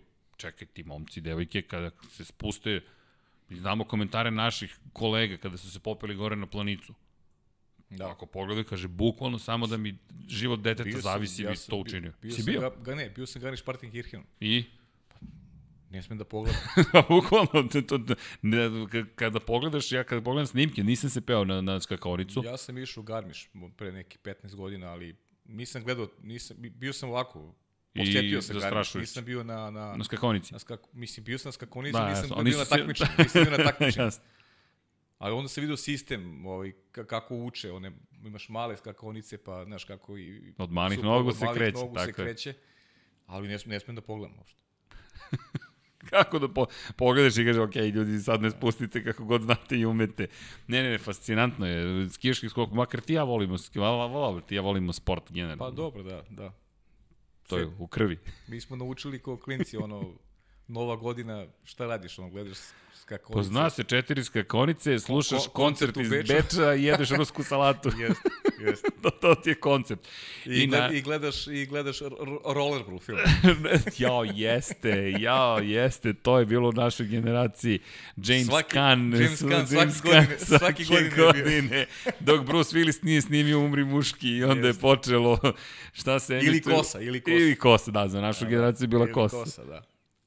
ali gde si se setio rollerbola, dakle, kako, da, kako to je kultni film. I onda znam, za one koji ne znaju, spoiler James alert, Gunn, upozoravam vas, dakle, kako su zamišljeni da će biti zapravo gladijatorski sportovi budućnosti, to se to je 70 i neke, šeste snimljeno, tako, tako. i James Caan koji, koji glumi koji u onoj osvetničkoj sceni, još mu bijaju drugara i ti čekaš, ma daj sad osveta, kad će da padne, otprilike, i gledaš i sad se to čudno izgleda iz ove perspektive, koliko se stvari nisu neke desile, koliko neke surove stvari se jesu desile. Gde, da, ne bih mogao ni da pomislim da, da, da, ka, da dobro, kako se svet, kako se svet promenio, ali da, kako se stvari nisu neki menjali, pa rollerball. Neke, neke nisu... Gde si se setio, izvini, neke rollerball. Neke nisu, jer znam da, znaš, ovi što gledaju više TV, mislim da se, možda su drugačiji filmovi, ali se iz godinu godinu opet isti emituju, znaš, tako da... nema, nema mnogo promena. e, koji ti je najbolji film? Ikad. Ako e, možda neki izvučiš. Ima, ima. Bilo jedno u Americi. Da, to je moj omiljeni film. Preozbiljan film. Pa mislim, generalno filmovi Sergio Leone. Leone, Leone. Sergio Leone i Ennio Morricone, to je meni najbolja kombinacija ikada u, u, u filmskoj industriji. Tan, tan, skoro, tan, skoro je preminuo Ennio Morricone. Tan, tan, da. tan, pa da, pa to Clint Eastwood, pa to, te filmove. Ne, špa, špa, nazovi špageti western. Charles ali, Bronson, ček, bilo jednom na zapadu da, sad da, ovo. Da, Charles Bronson, da, ali ali bilo u jednom Americi mi je omiljeni film svih vremena. Ovo je bila Chayenova tema, ali da, da bilo u jednom Americi zaista preozbiljan pa, film. Pa to je sad to stvar je. naravno afiniteta, ali ja kad, kad me pitaš na prvu loptu, to je, to uvijek ću ti kažem bilo u jednom Americi. Jasno, jasno, jasno. Ja volim onu ekspoziciju na početku bilo u jednom divljem zapadu, to mi je Da, to da, da. kad, kad ugura muvu u cev pištolja. Jeste, jeste, jeste. Jest. koliko ti, više, koliko puta Ali, si snimao to? Sergio Lone je bio genije, zaista. Od tih špaget, dobar loš zao mi je omiljen da, od tih. Da, da. Il Bruto. Li, Leo Van Cliff. Leo, Leo Van Cliff. I uh, kako Clint se... Eastwood i, i umro je, umro je i on je umro. Sad mi stane, ovaj, čekaj. Umro je. On je, pos, on je pre jedno tri godine umro. Znam na koga misliš. Na trećeg. Na, Tako na, je. Na, na, na lošeg. na, na lošeg, da. A Lee Van Cliff je odavno preminuo. Lee, Lee Van Cliff ima 20 godina i više sigurno. Pazi, kad Eli Volaš, Da, da. Da, jest. ne znam da li pravilno izgovoram, jest, ali jest, jest. Volek zapravo vjerojatno bi pa, trebalo, da. ali da. on Clint Eastwood i Livan Cliff, Livan, Livan Cliff, prepoznatljiv negativac za sva vremena, da, da, da. zna se ko je. Genije. Il Bono, il Bruto, il Cattivo, da. Jest. I spaghetti westerni, kao snimimo ne, ih na engleskom, ali onda sinhronizujemo na italijanski, ne znaš da, koja je bolja filmovi, verzija. Filmovi Sergio Leone su... Ali meni je to predivan film. Moment kada on raznese, kada raznesu most je meni fantastičan. Jeste. Kad, kad moli Majro, samo raznesite most, da, da deca više ne ginu. Ma ne, ni s jedne ni s druge strane. Genijal, genijalno. Koje on poruke tu šalje? Da, da, genijalno. Sergio Leone je bio genijal. Inače, tu kad... I, inače, umro, Sergio umro na snimanju filma, ja sad sam zaboravio kog filma. Snimao je neki film i bukvalno je na, na, na snimanju filma preminuo. A ne, ne, Leone je zaista bio lav, Ma, pravi. Čud. Čud. Pravi lav. Evo ga je, naš lav isto, The Lion, Nigel Mansell. Nigel Mansell. Ali, ali i to, to, to, kada je dobro zao u pitanju, to je, to je kako, koliko su se vremena promenila. Pričamo opasnost, neopasnost. I taj kadar kada snimaju, oni su stvarno razneli most. Mm. I cevanica, to je jedan od delova mosta, bukvalno pada pored Klinta Eastwooda. Dakle, metar levo možda ga ubija. I Eastwood ostaje u ulozi, nema skakanja, vrištanja. Pa, ne, on samo pogleda. Negde je pričao Clint Eastwood koliko, koliko je on bio inspirisan uh, radom na filmu zahvaljujući Sergio Leone. Da. Kakve filmove Clint Eastwood snimio, kako, pa je, kako, je snima i dalje. snima i dalje, da zaista čudo. čudo. Da, da, da, to su neka druga vremena, ali da, tako, tako se slavila o, nova godina. Odo smo mi u film, da. A vidi, nisam, čekaj, još nisam spomenuo Zvezdane ratove. e, to je tvoj teren, to je to tvoj je, teren, nije, nije moj teren. To, je, to, to, da, to je, to je, tata je kriv sam, za to. Da, pa okej. Okay. I znaš da popravljam ZX Znam, Spectrum? Z, našao sam ZX izvuko, izvuko, dakle, iz magacina i folija mu je crkla ko je nekad popravio ZX znao čemu pričamo, a sam u Britaniji preko Amazona, stiže mi folija, pa ćemo da vidimo. Da. Da se vratimo mi u Formulu 1. Ajde. Dakle, odo smo malo dalje, ali ne pa, zamerite nije, prosto. To je film je uvijek dobra tema. To, tako je. Pa dobro, gledali smo te filmove, sad to, ka, kako će to... E da, kada pričamo o Formuli 1 i filmovima, Netflix je potvrdio da snima treću sezonu Dakle, imaćemo Drive to Survive ponovo na Netflixu naredne godine. Ne znamo kako će to da izgleda, ali očigledno COVID-19 ćemo se i tekako baviti. Ovo je trebalo da bude neka druga godina, ali opet ima toliko drame, uzbuđenja. Ne znam koga... Zamisli ako sve mi je Ferrari dao pravo da snimaju. Ne verujem. Svi u studiju odmakuju glavom, dakle, da. jednoglasno. Ali bi to bilo zanimljivo videti. Pogotovo ti si, ti si najveći sanjar ovde. Apsolutno, verovatno. Najveći si sanjar, definitivno. E, ali me vi podržavate. Do, pa okej. Okay. Hvala. Ok, mislim, da ti kažem, podržavam te u onome što radiš, ali da ne mogu te podržim u, u idejama. U, u, u nekoj ideji da će Ferrari da otvori vrata Netflixu, zaista ne mogu. Ali ja zamisli da otvore, pa to bi bilo fenomenalno. Senjor Binotto. Senjor Binotto. šta imate da staj? A kaži mi, šta, će, šta je sa raketom, kada ima nešto novo sad? Za, za šta, za kosmos? Pa da. Uh, sad spremamo planove i u oktobru ide ponovo posada, ali pre toga ćemo da, da se pozabavimo emisijama, to smo obećali, o, o onome što smo videli, koje su to bile rakete, uh mhm, -huh. Mhm. Dakle, koje kapsule su korište, kakva je situacija i onda ćemo time da se pozabavimo, da snimemo emisije, baš nešto što ćemo da primjerimo, što smo pričali za Formulu 1, da snimemo emisije kao što smo, ne znam, objasnili u Moto Grand Prix podcastu, malo više o gumama smo objašnjavali. Da, da. I onda da iskoristimo to da, da, da napravimo emisije. Tek, tek ćemo da snimamo Znaš, i sam Pajo, planovi su pa nam da, pa dobro. ozbiljni. O, ovo je tek početak. Čekaj, tebi juče gostima bio, to je Marini tebi, Filip Filip, Filipović, da. Bilo zabavno. Super je bilo, da. Baš. Moram ti priznati, sam ja toliko ponosan. Ljudi, ja vas, ja vas otvoreno pozivam, pratite pod kapicom. Možda sam ja krajnji subjektivan, što zbog tebe, što zbog vaterpola, ali slušati priče vaterpolista, meni je to inspirativno, jer koliko god da ih poznajem, shvatio sam da nemamo priča o tim ljudima. Nema, nema. Mi ih ne poznajemo zapravo koliko bi trebalo da ih poznajemo.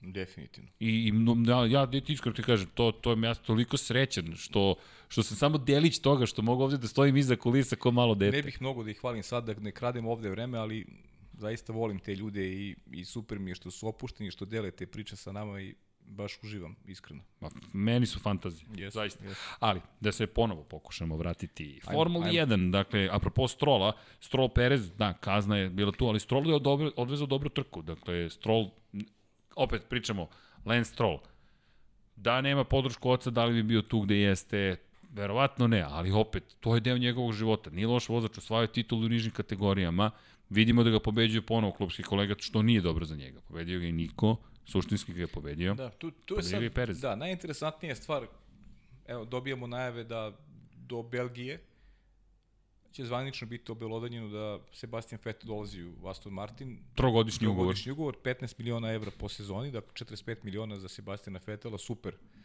super e, ponuda, super cifra. Dolazi u jednu stabilnu, dobru ekipu. E, sad šta će biti Perez ili Stroll? Sergio Perez je rekao da on smatra da su njegove pozicije vrlo stabilne u ekipi, da tu nema nikakvih problema, da ga nervira što mediji uopšte se bave pri, pričom oko toga da on odlazi i prebacuje teren na Lensa Strola. Lens Stroll koji je izjavio da ne bi imao, da se neće buniti ukoliko mu otac uruči otkaz. I sve više je tih spekulacija da će u stvari Lens Stroll biti taj koji će napustiti ekipu.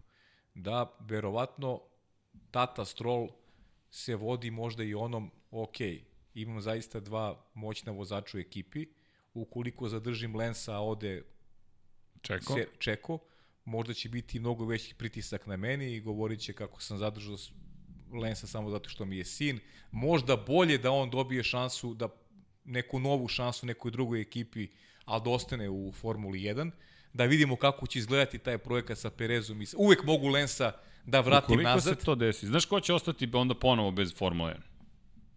Niko Hulkenberg. Niko Hulkenberg, pa da. O Alfa onda će da pređe Lance Stroll na sto, pa i do, to možda, to. možda i u Williams, ko zna, mislim. Ali Williams ima Latifi i Russella. Pitanje je, pitanje, Russell. sad je tu pitanje kakva uloga Carlosa Slima definitivno u toj konstelaciji snaga sa, sa Loresom Strollom da li će, priča se da će da podmaže dobro taj Lorenz novi ugovor. je pritom vrlo poslovan čovjek. Vrlo poslovan čovjek, znači može da iskoristi vrlo dobro te taj novac ne koji dobio od Carlosa. Ne mora čak ni direktno u Formulu Ne mora direktno, da, ne mora direktno, tako je. Podrška ali, na razne načine može se dobiti. Ali, ali, ali apropo novog angažmana koji bi mogao dobije Lance Stroll, znaš, kakva uloga Carlosa Slima možda Carlos Slim zaista uzme neku ekipu.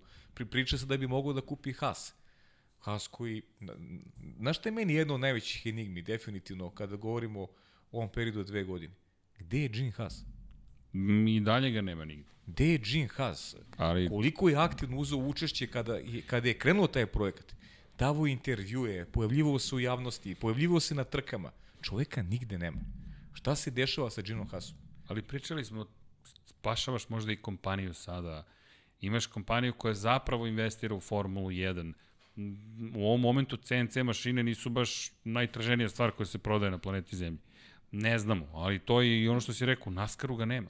Nema ga nigde. Nema ga nigde. E, moram malo i Naskaru poslije da se dotaknemo ovoj trke da. Obećao sam da ćemo da napravimo specijalu Naskaru, nikako da stignemo da, da do Naskaru. malo, dobra je trka bila. Bila je, ispratio sam samo vidio, da. highlights. I opet su napravili, opet su lepo, lepo na, u Daytoni se prvi put vozio onaj roval. Roval, roval, da, roval, roval. Kombinacija ovalne i trkačke staze i, i fascinantno mi je kako Chase Elliot dominira na, na tim na, na, na pravim trkačkim stazama Chase dominira i novim kombinacijama ovala, ovala i trkačke I staze opet. Staze. Pobedio u Charlotteu prošle godine, pobedio sad u Daytoni, pobedio na Watkins Glenu dve godine za redom. Jest. Chase Elliot, na šta razmišljam? Pa Chase Elliot je za Formulu 1 vozač. Pa, on, on, je, on je rođeni trkač. Vidi, za sportske automobile svakako. Dakle, Formula 1, da li bi mogla da mu se otvori šansa? Pa bilo bi lepo da vidimo jednog Amerikanca, pogotovo iz Naskara da nam dođe neko. Mada nisu jednosedi, ali nema veze. Dobro, ali, znaš, Mogu bi da probam. Pa zašto da ne? Vidim, Trkač pravi. Pa makar test, bilo bi lepo. Davno nismo imali te prelaze. Dakle, bilo bi lepo da vidimo makar da, da, da mu neko da dan jedan da testira. Dobro, sad to nije jednostavno u, u, u 2020. ali opet bilo bi, bilo bi lepo vidjeti. Ali da, nisam razmišljao na taj način, moram ti priznati. Pričemu Roval, za one koji ne znaju, road course i oval roval.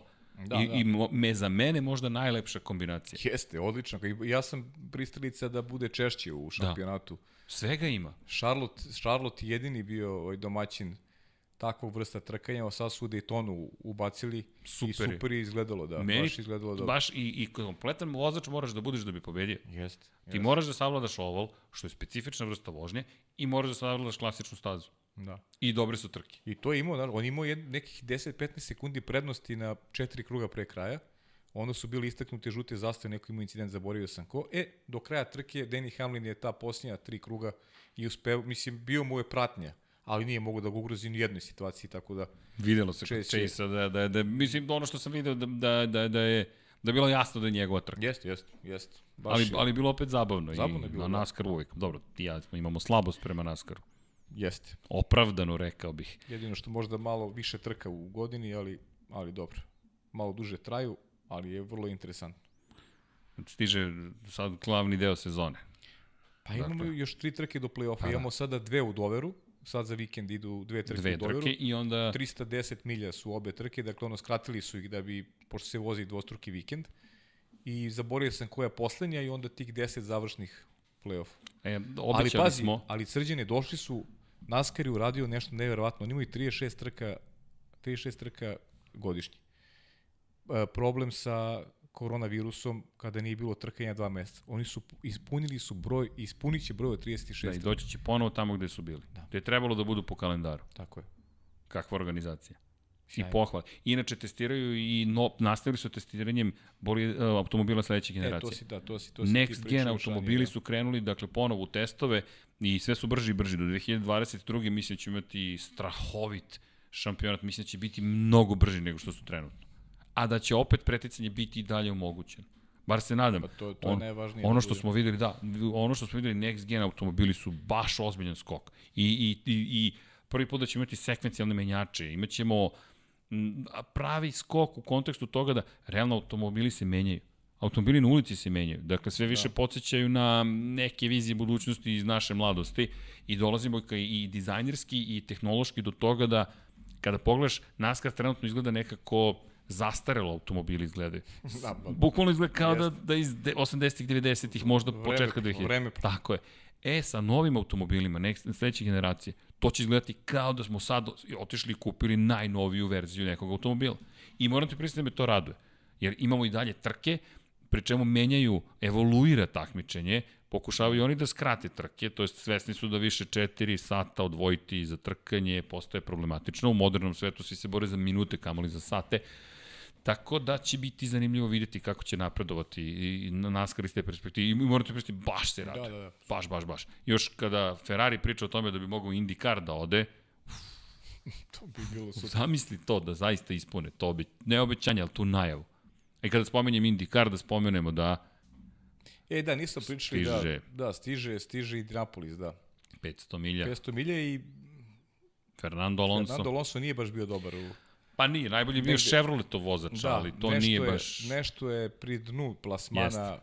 To sam još zaborio da kažem u nedelju tokom trke. Sad sam već zaborio, bio je negde 23. recimo tako Fernando Alonso, tako nešto.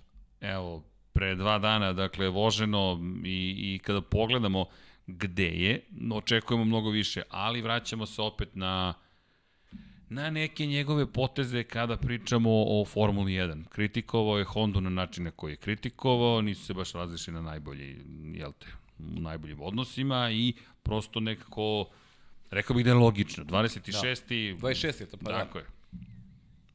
Da, znam da je, da, da je loše plasirao. Prošle godine se nije ni kvalifikovao. Dobro, to je pomak. Da. pomak u napred. Pre, ono, pre dve, ono pre dve godine bio baš, baš dobro, onaj, onaj incident. Bio je negde deseti, recimo, Ali imao je šansu, videlo se po brzini da je imao šansu. Tako, imao je šansu. Pogotovo što je, ja mislim da je, ko je beš pobedio tada, Sato čini se Jeste.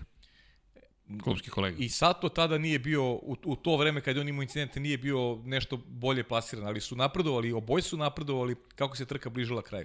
Imali dobar tempo i mogli da se... A to je, to je bitno, izvini, u Indianapolisu, tempiranje. Tempiranje, Kad ćeš biti brz? Ne da budeš brz celu trku, Tako nego je. kad dođe ta bitka da budeš najbrži. Naravno. E, to je imao Fernando, međutim, to odustajanje možda i kritično kada govorimo o njegovim planovima da pobedi Neapolisu, bojim se da neće da biti vrati... prilike u skorije vreme. U Renault, što nas i dovodi do Renaulta. Renault koji Renault se, sad. Pa da, Renault koji se žali, žali, žali, žali, žali.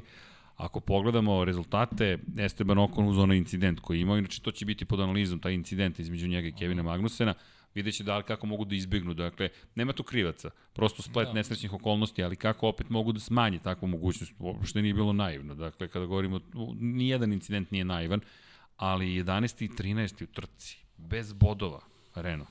Da, loše. Daniel Ricardo, nedovoljno dobar, oko nedovoljno dobar i ono što je poseban problem kad pogledaš, pada forma. Dakle, malo, su, malo su apetiti porasli, moram priznati i ja sam očekivao više nakon onog Silverstona i četvrtog mesta. Bilo je baš Ricarda. dobro. Bilo je dobro, pa imali smo i tu opkladu Ricarda i Abitobula koji je obećao da će se istetovirati ako Ricardo dođe do podijuma. To je predlog inače Daniela Ricarda. I to tetovaža po izboru i gde god želi da... A vidi, ali ja da mislim da će oni negde uspeti. Ja mislim da će, da će imati jednu trku koja će zaista spojiti kockice. Ne kažem da će sad stalno biti brzi ove godine, da. ali da će negde spojiti kockice. Pa znaš šta je šansa? Taktika, čuvanje guma i tu vidim Ricarda kao, kao neko ko, ko bi mogu doći do jednog, do jednog dobrog rezultata i ne samo taktike i čuvanje guma, već i splet okolnosti. Znači mora da im se pomogne da, da neko od ovih vodećih Hamilton, Bottas, Verstappen da ne završe trku. Dakle, to treba Renault. I ovakim... Očekuješ dramu u Belgiji? U Belgiji? Da. Znaš, setim se tih trka nekada u Belgiji. Drama se dešavala. Pa jest. Taktika, kiša, jest, incidenti, jest. ne želim ih, ali samo prosto pričam o onome kako su pa, se stvari razvijali. Opet vidim Max, Max koji bi mogao tu da Sećam se one 2018. fantastična trka, najbolje možda Sebastiana Vettel u Ferrari 2018. kada je da, pobedio i to taman posle Nemačke i svega što da, se desilo pa i to nakon pauze, znaš. Tako je. Prva posle pauze, jer, jer tada je negde e, smo zaključili da se, da se Vettel fokusirao, dobro pripremio za, za sezonu, za nastavak sezone, pobediti na stazi Luisa Hamiltona nije lako, pogotovo ne. u Belgiji gde, gde, gde je Mercedes dominirao na pravoj trkaškoj stazi. Mislim, volim, volim kad odemo tamo, kad odemo u Belgiji. Meni je svaka trka u Belgiji, znaš, neću spavati po znacima navoda kao u Barceloni, sigurno, jer, jer ta krajolik, staza, te brzine... I, uvek je zabavno. Uvek je zabavno, znaš. I ima bitaka makar za neke pozicije. Barcelonu, Hungaroring neko nikad nisam preferirao. Ni, ni, nisam... Mada nam je Hungaroring dao zabavu. Dao nam je zabavu, da, ali, ali nekako, znaš, uvek sam bio radije fokusiran na, na, na ove prave trkačke staze. Ali kad pogledamo rezultate, Ferrari je slavio u prethodne dve godine. Charles Leclerc prva da. pobeda u karijeri, posvećena Nažalost, Antonu Iberu koji je stradao da, dan ranije. E, bukvalno, bukvalno, Antonu Iber biće, biće godišnjica. Biće godišnjica. I Sebastian Vettel. Bila je, stvari, već godišnjica. Ja mislim da još nije, da, da dolazi, tako, dolazi. Moguće, da, da, da, ne, bravo. Sad će. Kra, e, bravo, kraj, kraj, da, kraj da, da, avgusta. Kraj Tako avgusta. da, kada govorimo o, o, o samoj trci, kada govorimo zapravo o, o prošlogodišnjoj velikoj nagradi Belgije, evo, provjerit ću datum, da, 1. septembra je vožena, 31. avgust. 31. avgust, da. Je godišnjica nažalost, ali to je to je deo i opet sporta, opet podsjetnik koliko stvari mogu biti opasne. Ali eto, Ferrari koji slavio dva put, ne kažem da će Ferrari nužno pobediti, ali eto, možda se nešto desi. I tu negde Renault možda... Znaš, meni to sada zanimljivo da vidimo. Renault koji jeste napredao kao pogonska jedinica, ali da li mogu? Ti kad pogledaš, nema, ne, ne, mogu, ne mogu da nađem pravilo za Renault. Pa da. Osmi, osmi, osmi, četvrti, šesti, osmi. Dakle, negde osmi su, to je to, među vodećih deset i to je to. Da, priprema bolida očigledno nije bila baš najbolja za ovu godinu, ali dobro, mislim, drugi su takođe radili. Renault ide, ide napred, ja nemam, nemam dilema oko toga. E, treba im jedan, jedan podijum, treba im jedan vrhunski rezultat i negde bi se složio sa tobom da postoji potencijal da se tako nešto dogodi do kraja godine, da će neka trka da klikne, ali kažem ti, potrebno su i drugi faktori da se nameste. Ricardu pre svega da dođe do jednog takvog do jednog takvog ostvarenja, dakle da, da, drugi, da drugi ne odrade posao kako treba, jer toliko je dominantan Mercedes, prati ga Red Bull da ove druge ekipe nemaju nemaju šansu u regularnoj trci da da naprave ništa značajnije. Mogu da imaju kako god hoćeš taktiku, nisu u stanju da, da, da poremete taj balans. Pa čak da. ni Ferrari. Pa kada pogledamo tu bitku za treće mesto, ajmo, Racing Point, McLaren, Ferrari vode bitku za treću da. poziciju. Šta je, problem, šta je razlika, nije problem. Racing Point završava većinu trka među osvajačima pojena sa oba takmičara. Mhm. -huh. Dakle, samo prva i u Velikoj Britaniji kada se pokvario Hulkenberg u bolid. McLaren tri trke od šest trke završio sa oba bolida među vodećih deset. Ferrari je završio samo dve trke sa oba bolida među vodećih deset ove godine. Katastrofa iz perspektive šampionata konstruktora. Renault je jednu trku tako završio i niko drugi Alfa Tauri koliko god da uvek ima nekog među vodećih deset, nije ima oba da, bolida da. među vodećih deset. I sada kada pogledamo to, Racing Point imam utisak da će da nestane na trećoj poziciji, da McLaren koliko god da želi, teško može. I da će McLaren Renault zapravo voditi bitku za četvrtu poziciju i onda Renault u nekom svom univerzumu. Ja makar ne vidim da Renault može da se izvuče. Pa teško, već ima izostatak. I ne, ne obećava sada. Sad, sad, više, sad nemamo ni pauzu, nema to ni mnogo više prostora da se nešto, da se napravi neki, neki napredak. Znaš ono kad ona letnja pauza, pa ajde vidimo koliko je ko radio, da li neko napredo. Da li će neko nešto da učini, više, da. Da, sad više nema ni pauze, sad je onako sezona, blic je sezona, sve se brzo odvija, e, naravno zavisi od konfiguracija staza, nekim odgovara. Ma znaš šta, prava... Belgija, izvini, mora da nam donese nešto dobro. Znaš pa. zašto? Posle prve, druge trke u Britaniji, prve, baš smo bili uzbuđeni. Drama, Jesmo, frka, da. nešto se desilo. Sad došla Barcelona, kao da nas je sve ovako spustila. Da, kao hladan Bum. tuš, kao hladan tuš da smo, da smo ovaj, dobili, ali pa da, pa mislim ja se nadam, nadam se. Ne vidi pa, jer ja gledam, sad gledamo, razmišljamo o pričama. Šta da pričamo o Alfa Tauri? Da, pohvale za Pjera e, Gaslija. Ali, ali, ali, znaš da sam malo pre htio da počnem, da, da, krenem, da krenem u Alfa Tauriju, zato što iz tih ekipa, od tih ekipa iz donjeg doma, oni su najviše napredovali. Jesu, i, i e, zaslužuju pohvale. Zaslužuje, početak sezone bio katastrofa, ali ja, pogotovo Pierre Gasly, ja sam udušljen kako vozi Pierre Gasly. Sjajno je odvezao. Zaista je sjajan, uzima, ja mislim izlači maksimum iz, iz, iz tog bolida, sve što može, uh, uradi Pierre Gasly i ostaje mi onako ona memorisana ona scena da li je sad pre, ne, pre početak Silvestra, čime kad je Helmut Marko bio u razgovoru sa Pierom Gaslijem, pre početak trke, znaš... E, Koje pitanja? Što nisi tako prošle moguće, godine? moguće da je baš to bilo pitanje, ali zaista vozi sjajno i oporavio se vrlo lepo, e, prihvatio neki aktualan trenutak onako, onako kako, kako i treba, jedan, jedan mlad ambiciozan čovek, pokazuje da ima, da ima tu mentalnu stabilnost e, i Sedmi, to momku baš želim, baš poželim sve najbolje jer, jer vidim da je, da, da je trkač, da je, da je neko ko, ko može da se nada i dobrom angažmanu i u budućnosti. Nije, nije i njegov domet uh, Alfa Tauri. Ja se apsolutno slažem. Znaš, volao bih, ne vidim da će ga vratiti u Red Bull, iskreno, ne vidim. Ne znam ni da bi mu to prijelo. Zaista da. ne znam da li može da se, da se nosi sa time. Ali srđene, ko zna ako Max ode put Mercedesa, recimo. Ko zna? Da, šta, kakav izbor Red Bull ima bolji? Vrati Daniela Ricardo. Daniel, da. Mislim, gledam i te momke iz, iz ovih nižih kategorija koji su Red Bullovi Ima tamo sjajnih ima, vozača. Ima, ima, ima ali, sjajnih vozača. Ali mislim, znaš, da, da, da Pierre Gasly uz jedan dobar, pazi, pričali smo o tome, pazi, i Pierre Gasly se možda više mučio sa podešavanjem bolida koji je odgovarao više Maxu Verstappenu nego njemu, znaš. I, to dosta. I, I Alex Albon se muči sa tim isto, ali... Albona, pa da, ajmo, Albon samo kratko, četvrti, peti, osmi, peti, osmi. Problem je što je ceo krug zaostajao za opet za Maxom Verstappenu. Pa nešto što je Pjera Gasly je oteralo iz ekipe Tako prošle je. godine, nakon Austrije. Znaš, ti kad pogledaš u šampionatu konstruktora, on radi svoj posao, ali Red Bull ni nema nekog konkurenta u šampionatu konstruktora. Nema, nema. Pa, Ferrari ove godine nema. Red Bull nema nikog konkurenta. Red Bull je jedini, i Mercedes i Red Bull su jedini bez konkurencije. Bukvalno. Mercedes je stabilan, Mercedes je prvi pa je prvi, Red Bull je drugi pa je drugi i to je to. I, i, i onda i kada govorimo o konkurenciji, dođeš na dno praktično Alfa Romeo, Haas i Williams. U stvari Red Bull je sada idealna situacija za, za proveru nekog mladog vozača recimo, ali nemaju potrebe, imaju, imaju Albona u koga očigledno žele, žele da ulažu dalje i Pa osvaja poene. Osvaja poene, pa da. Ali... A, verovatno nemaju, nemaju nekog super talenta. Ja verujem da, da, da doktor Helmut Marko vidi u dvojici ili trojici nekog vozača koji, koji je super talent, da bi mu možda i ukazao priliku.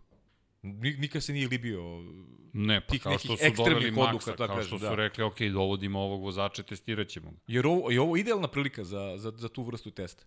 Vi ste drugi, još ne možete da budete prvi, ne možete da budete ni treći, idealna prilika da se neko, da se neko mladom ukaže Ne zaboravimo tržišta, Kvijat predstavlja rusko tržište.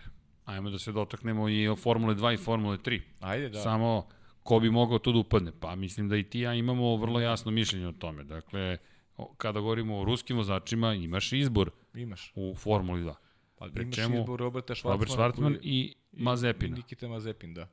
Mazepin koji vuče za sobom i mnogo novca, jer otac mu je onako naftni magnat i neko ko zaista barata sa ozbiljnim bogatstvom i ulažu u karijeru Nikite Mazepina, a pritom Mazepin je brz, da, da, da ovako budemo iskreni, neko ko možda se nađe u Formuli 1 i zahvaljujući dobrim vožnjama, a Robert Schwarzman, aktivni šampion Formule 3 i drugoplasiranje u Formuli 2, možda u posljednjih, posljednje 3, 4, 3 trke, nije baš na onom top nivou, a čini mi se da je uticao dosta taj incident koji imao sa Mikon Schumacherom prošle nedelje, taj napravio grešku definitivno uh, u Silverstonu, ta sprint trka. Jeste.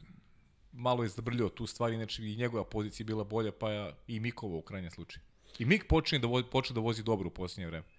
Strategija mu se nije isplatila, vozilo bezbednosti da, mu da, poništilo nije. strategiju u prvoj trci, ali, ali dobro, ima prezime Schumacher, ima podršku Ferrarijeve akademije, negde mi vidimo da će u jednom trenutku dobiti šansu. Kako god znaju ume dobići. Pa, u, najviše zbog prezimena, ali trenutno nije u fokusu kada pričamo o nekom, da kažem, kvalitetu. kvalitetu ali kad pogledaš, izvini, njegovu karijeru, način na koji je on uspevao nekako ide, teče vreme, uči, uči, uči, pravi greške, pravi greške i onda kada nađe šta god treba da nađe, odjednom krene da ređe uspehe.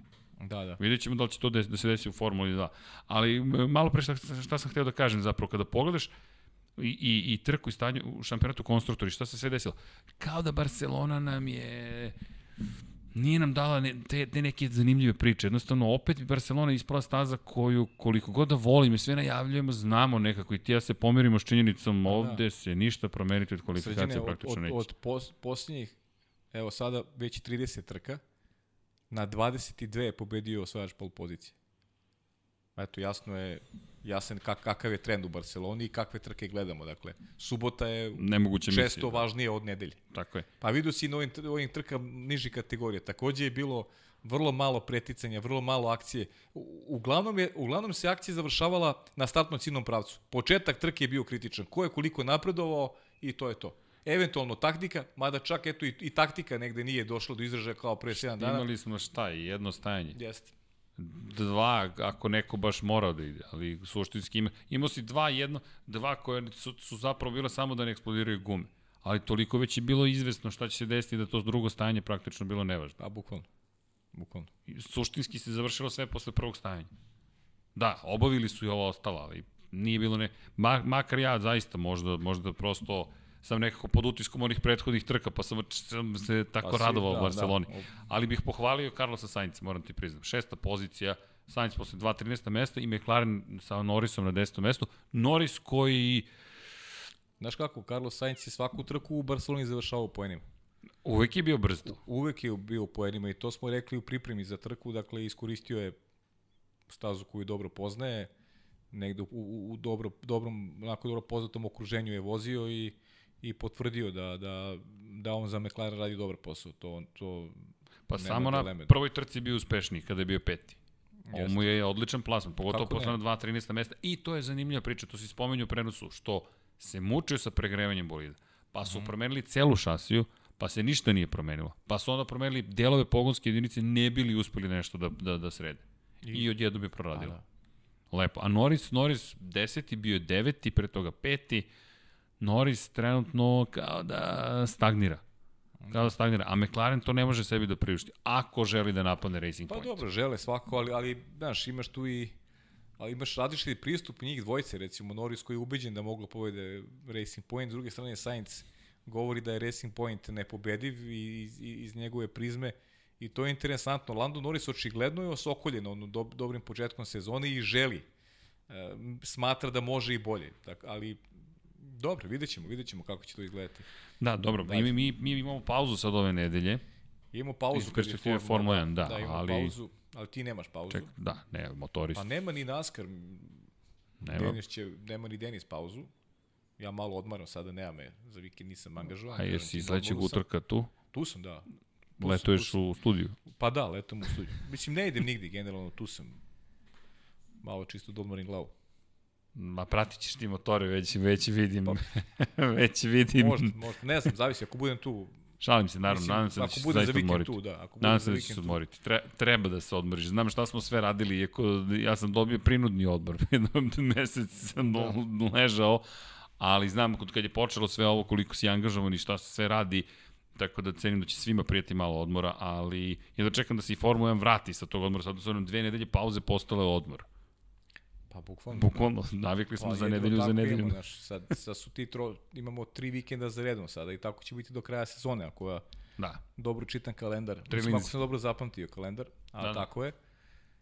Jer treba sve se završi tamo negde do početka decembra. 30. avgust, 6. septembar, 13. septembar. Tako je. I onda imamo 27. septembar Soči, e onda idemo na oktobar 11. pa 25. oktobar pa 1. novembar. E sad, imamo taj period kada nisu jedna za drugom. Pa da, ali će tu da se ubaci, treba, tako je, treba da stigne, Istanbul, tako Jerez i šta još treba da bude. Tako da ćemo vidjeti i možda čak Abu Dhabi. Da. Abu Dhabi se još uvek spominje, zahvaljujući toj činjenici, to stalno pričamo da hoće da završe sezonu.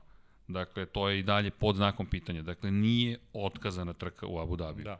Ona je pod znakom, izvinjam se, ona je izvanično pod znakom pitanja. Tako da, eto, čekamo praktično rezultate. Ali, Pavle, a, da se mi polako pozdravljamo. Ajde. Nekako brzo prođe. Vanja, koliko trajemo? Nismo dva i po sata. Nismo, nismo, nismo. Nismo dva i po sata. Čekaj. Samo možda dva sata. Da, da šta. Kad su prošla dva sata. Okej. Okay. A, a deluje mi kao da smo počeli malo pre. Pa jeste. Mislim da smo manje od dva sata ovog puta, ali... A nemamo gosta. Nemamo gosta. Ali lepo smo se ispričali. Sledeće nedelje stižem Zoran. Zadovoljan sam, si zadovoljan? Jesam, da, lepo smo se ispričali. Da, dobro, meni uvijek, nekako, ne, dobro, da neću opet ću da krenem sanjarski neke priče. Da. Uh, mislim da je vreme da se počinju da mi se smeju. Da, najduže odjeve u istoriji čovečanstva, ali dobro. Pavle, želim ti da se lepo odmoriš da se vidimo sledećeg utorka, da te vidi malo sa vitaminom pa, D, malo osunčan. Pa, ovdje, šta? A sut, ja, da, čekaj, to sam zaboravio. Neću da otkrivam šta, ali se da. snima sve i svašta. Da, dakle, da. Vanja, vidi, ti možda ovde letuješ, Vanja ovde živi. Va, Vanja živi, pa da. A mi Vanju ovde donosimo hranu sve. Bad on, caves ima. On se ovde hrani. I ali izgleda sve mlađi i mlađi. Treba da ubacimo, treba samo krede da mu se namisli možda je spavao ovde, da ne gubi vreme čovjek. Ej, nemoj, nemoj nastradaću, dakle, ali dobro, nećemo sada. I posle treba Vanji potpis, dakle, To sam zaboravio. Autogram nije nama dvojici uzeo. Aha, dobro, da, da, da. Svima je uzeo autogram. Ovde neki reaguju. Šalimo se, naravno, ovo je neka interna šala, ali zašto da ne iskoristimo da odjeva potraje malo duže. No, ajmo da završavamo.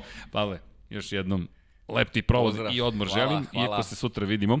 A, veliki pozdrav svima, a, gde smo, na dvoplanu smo, ostaćemo na dvoplanu i naravno želimo da budete živi, zdravi, pravi, da se lepo projete, pratite Lab 76, pratite Sport Klub, pratite pod kapicom i družite se sa nama. Sutra snijemo MotoGP i ostanite naravno za nas, uživajte i ćao svima. Ćao.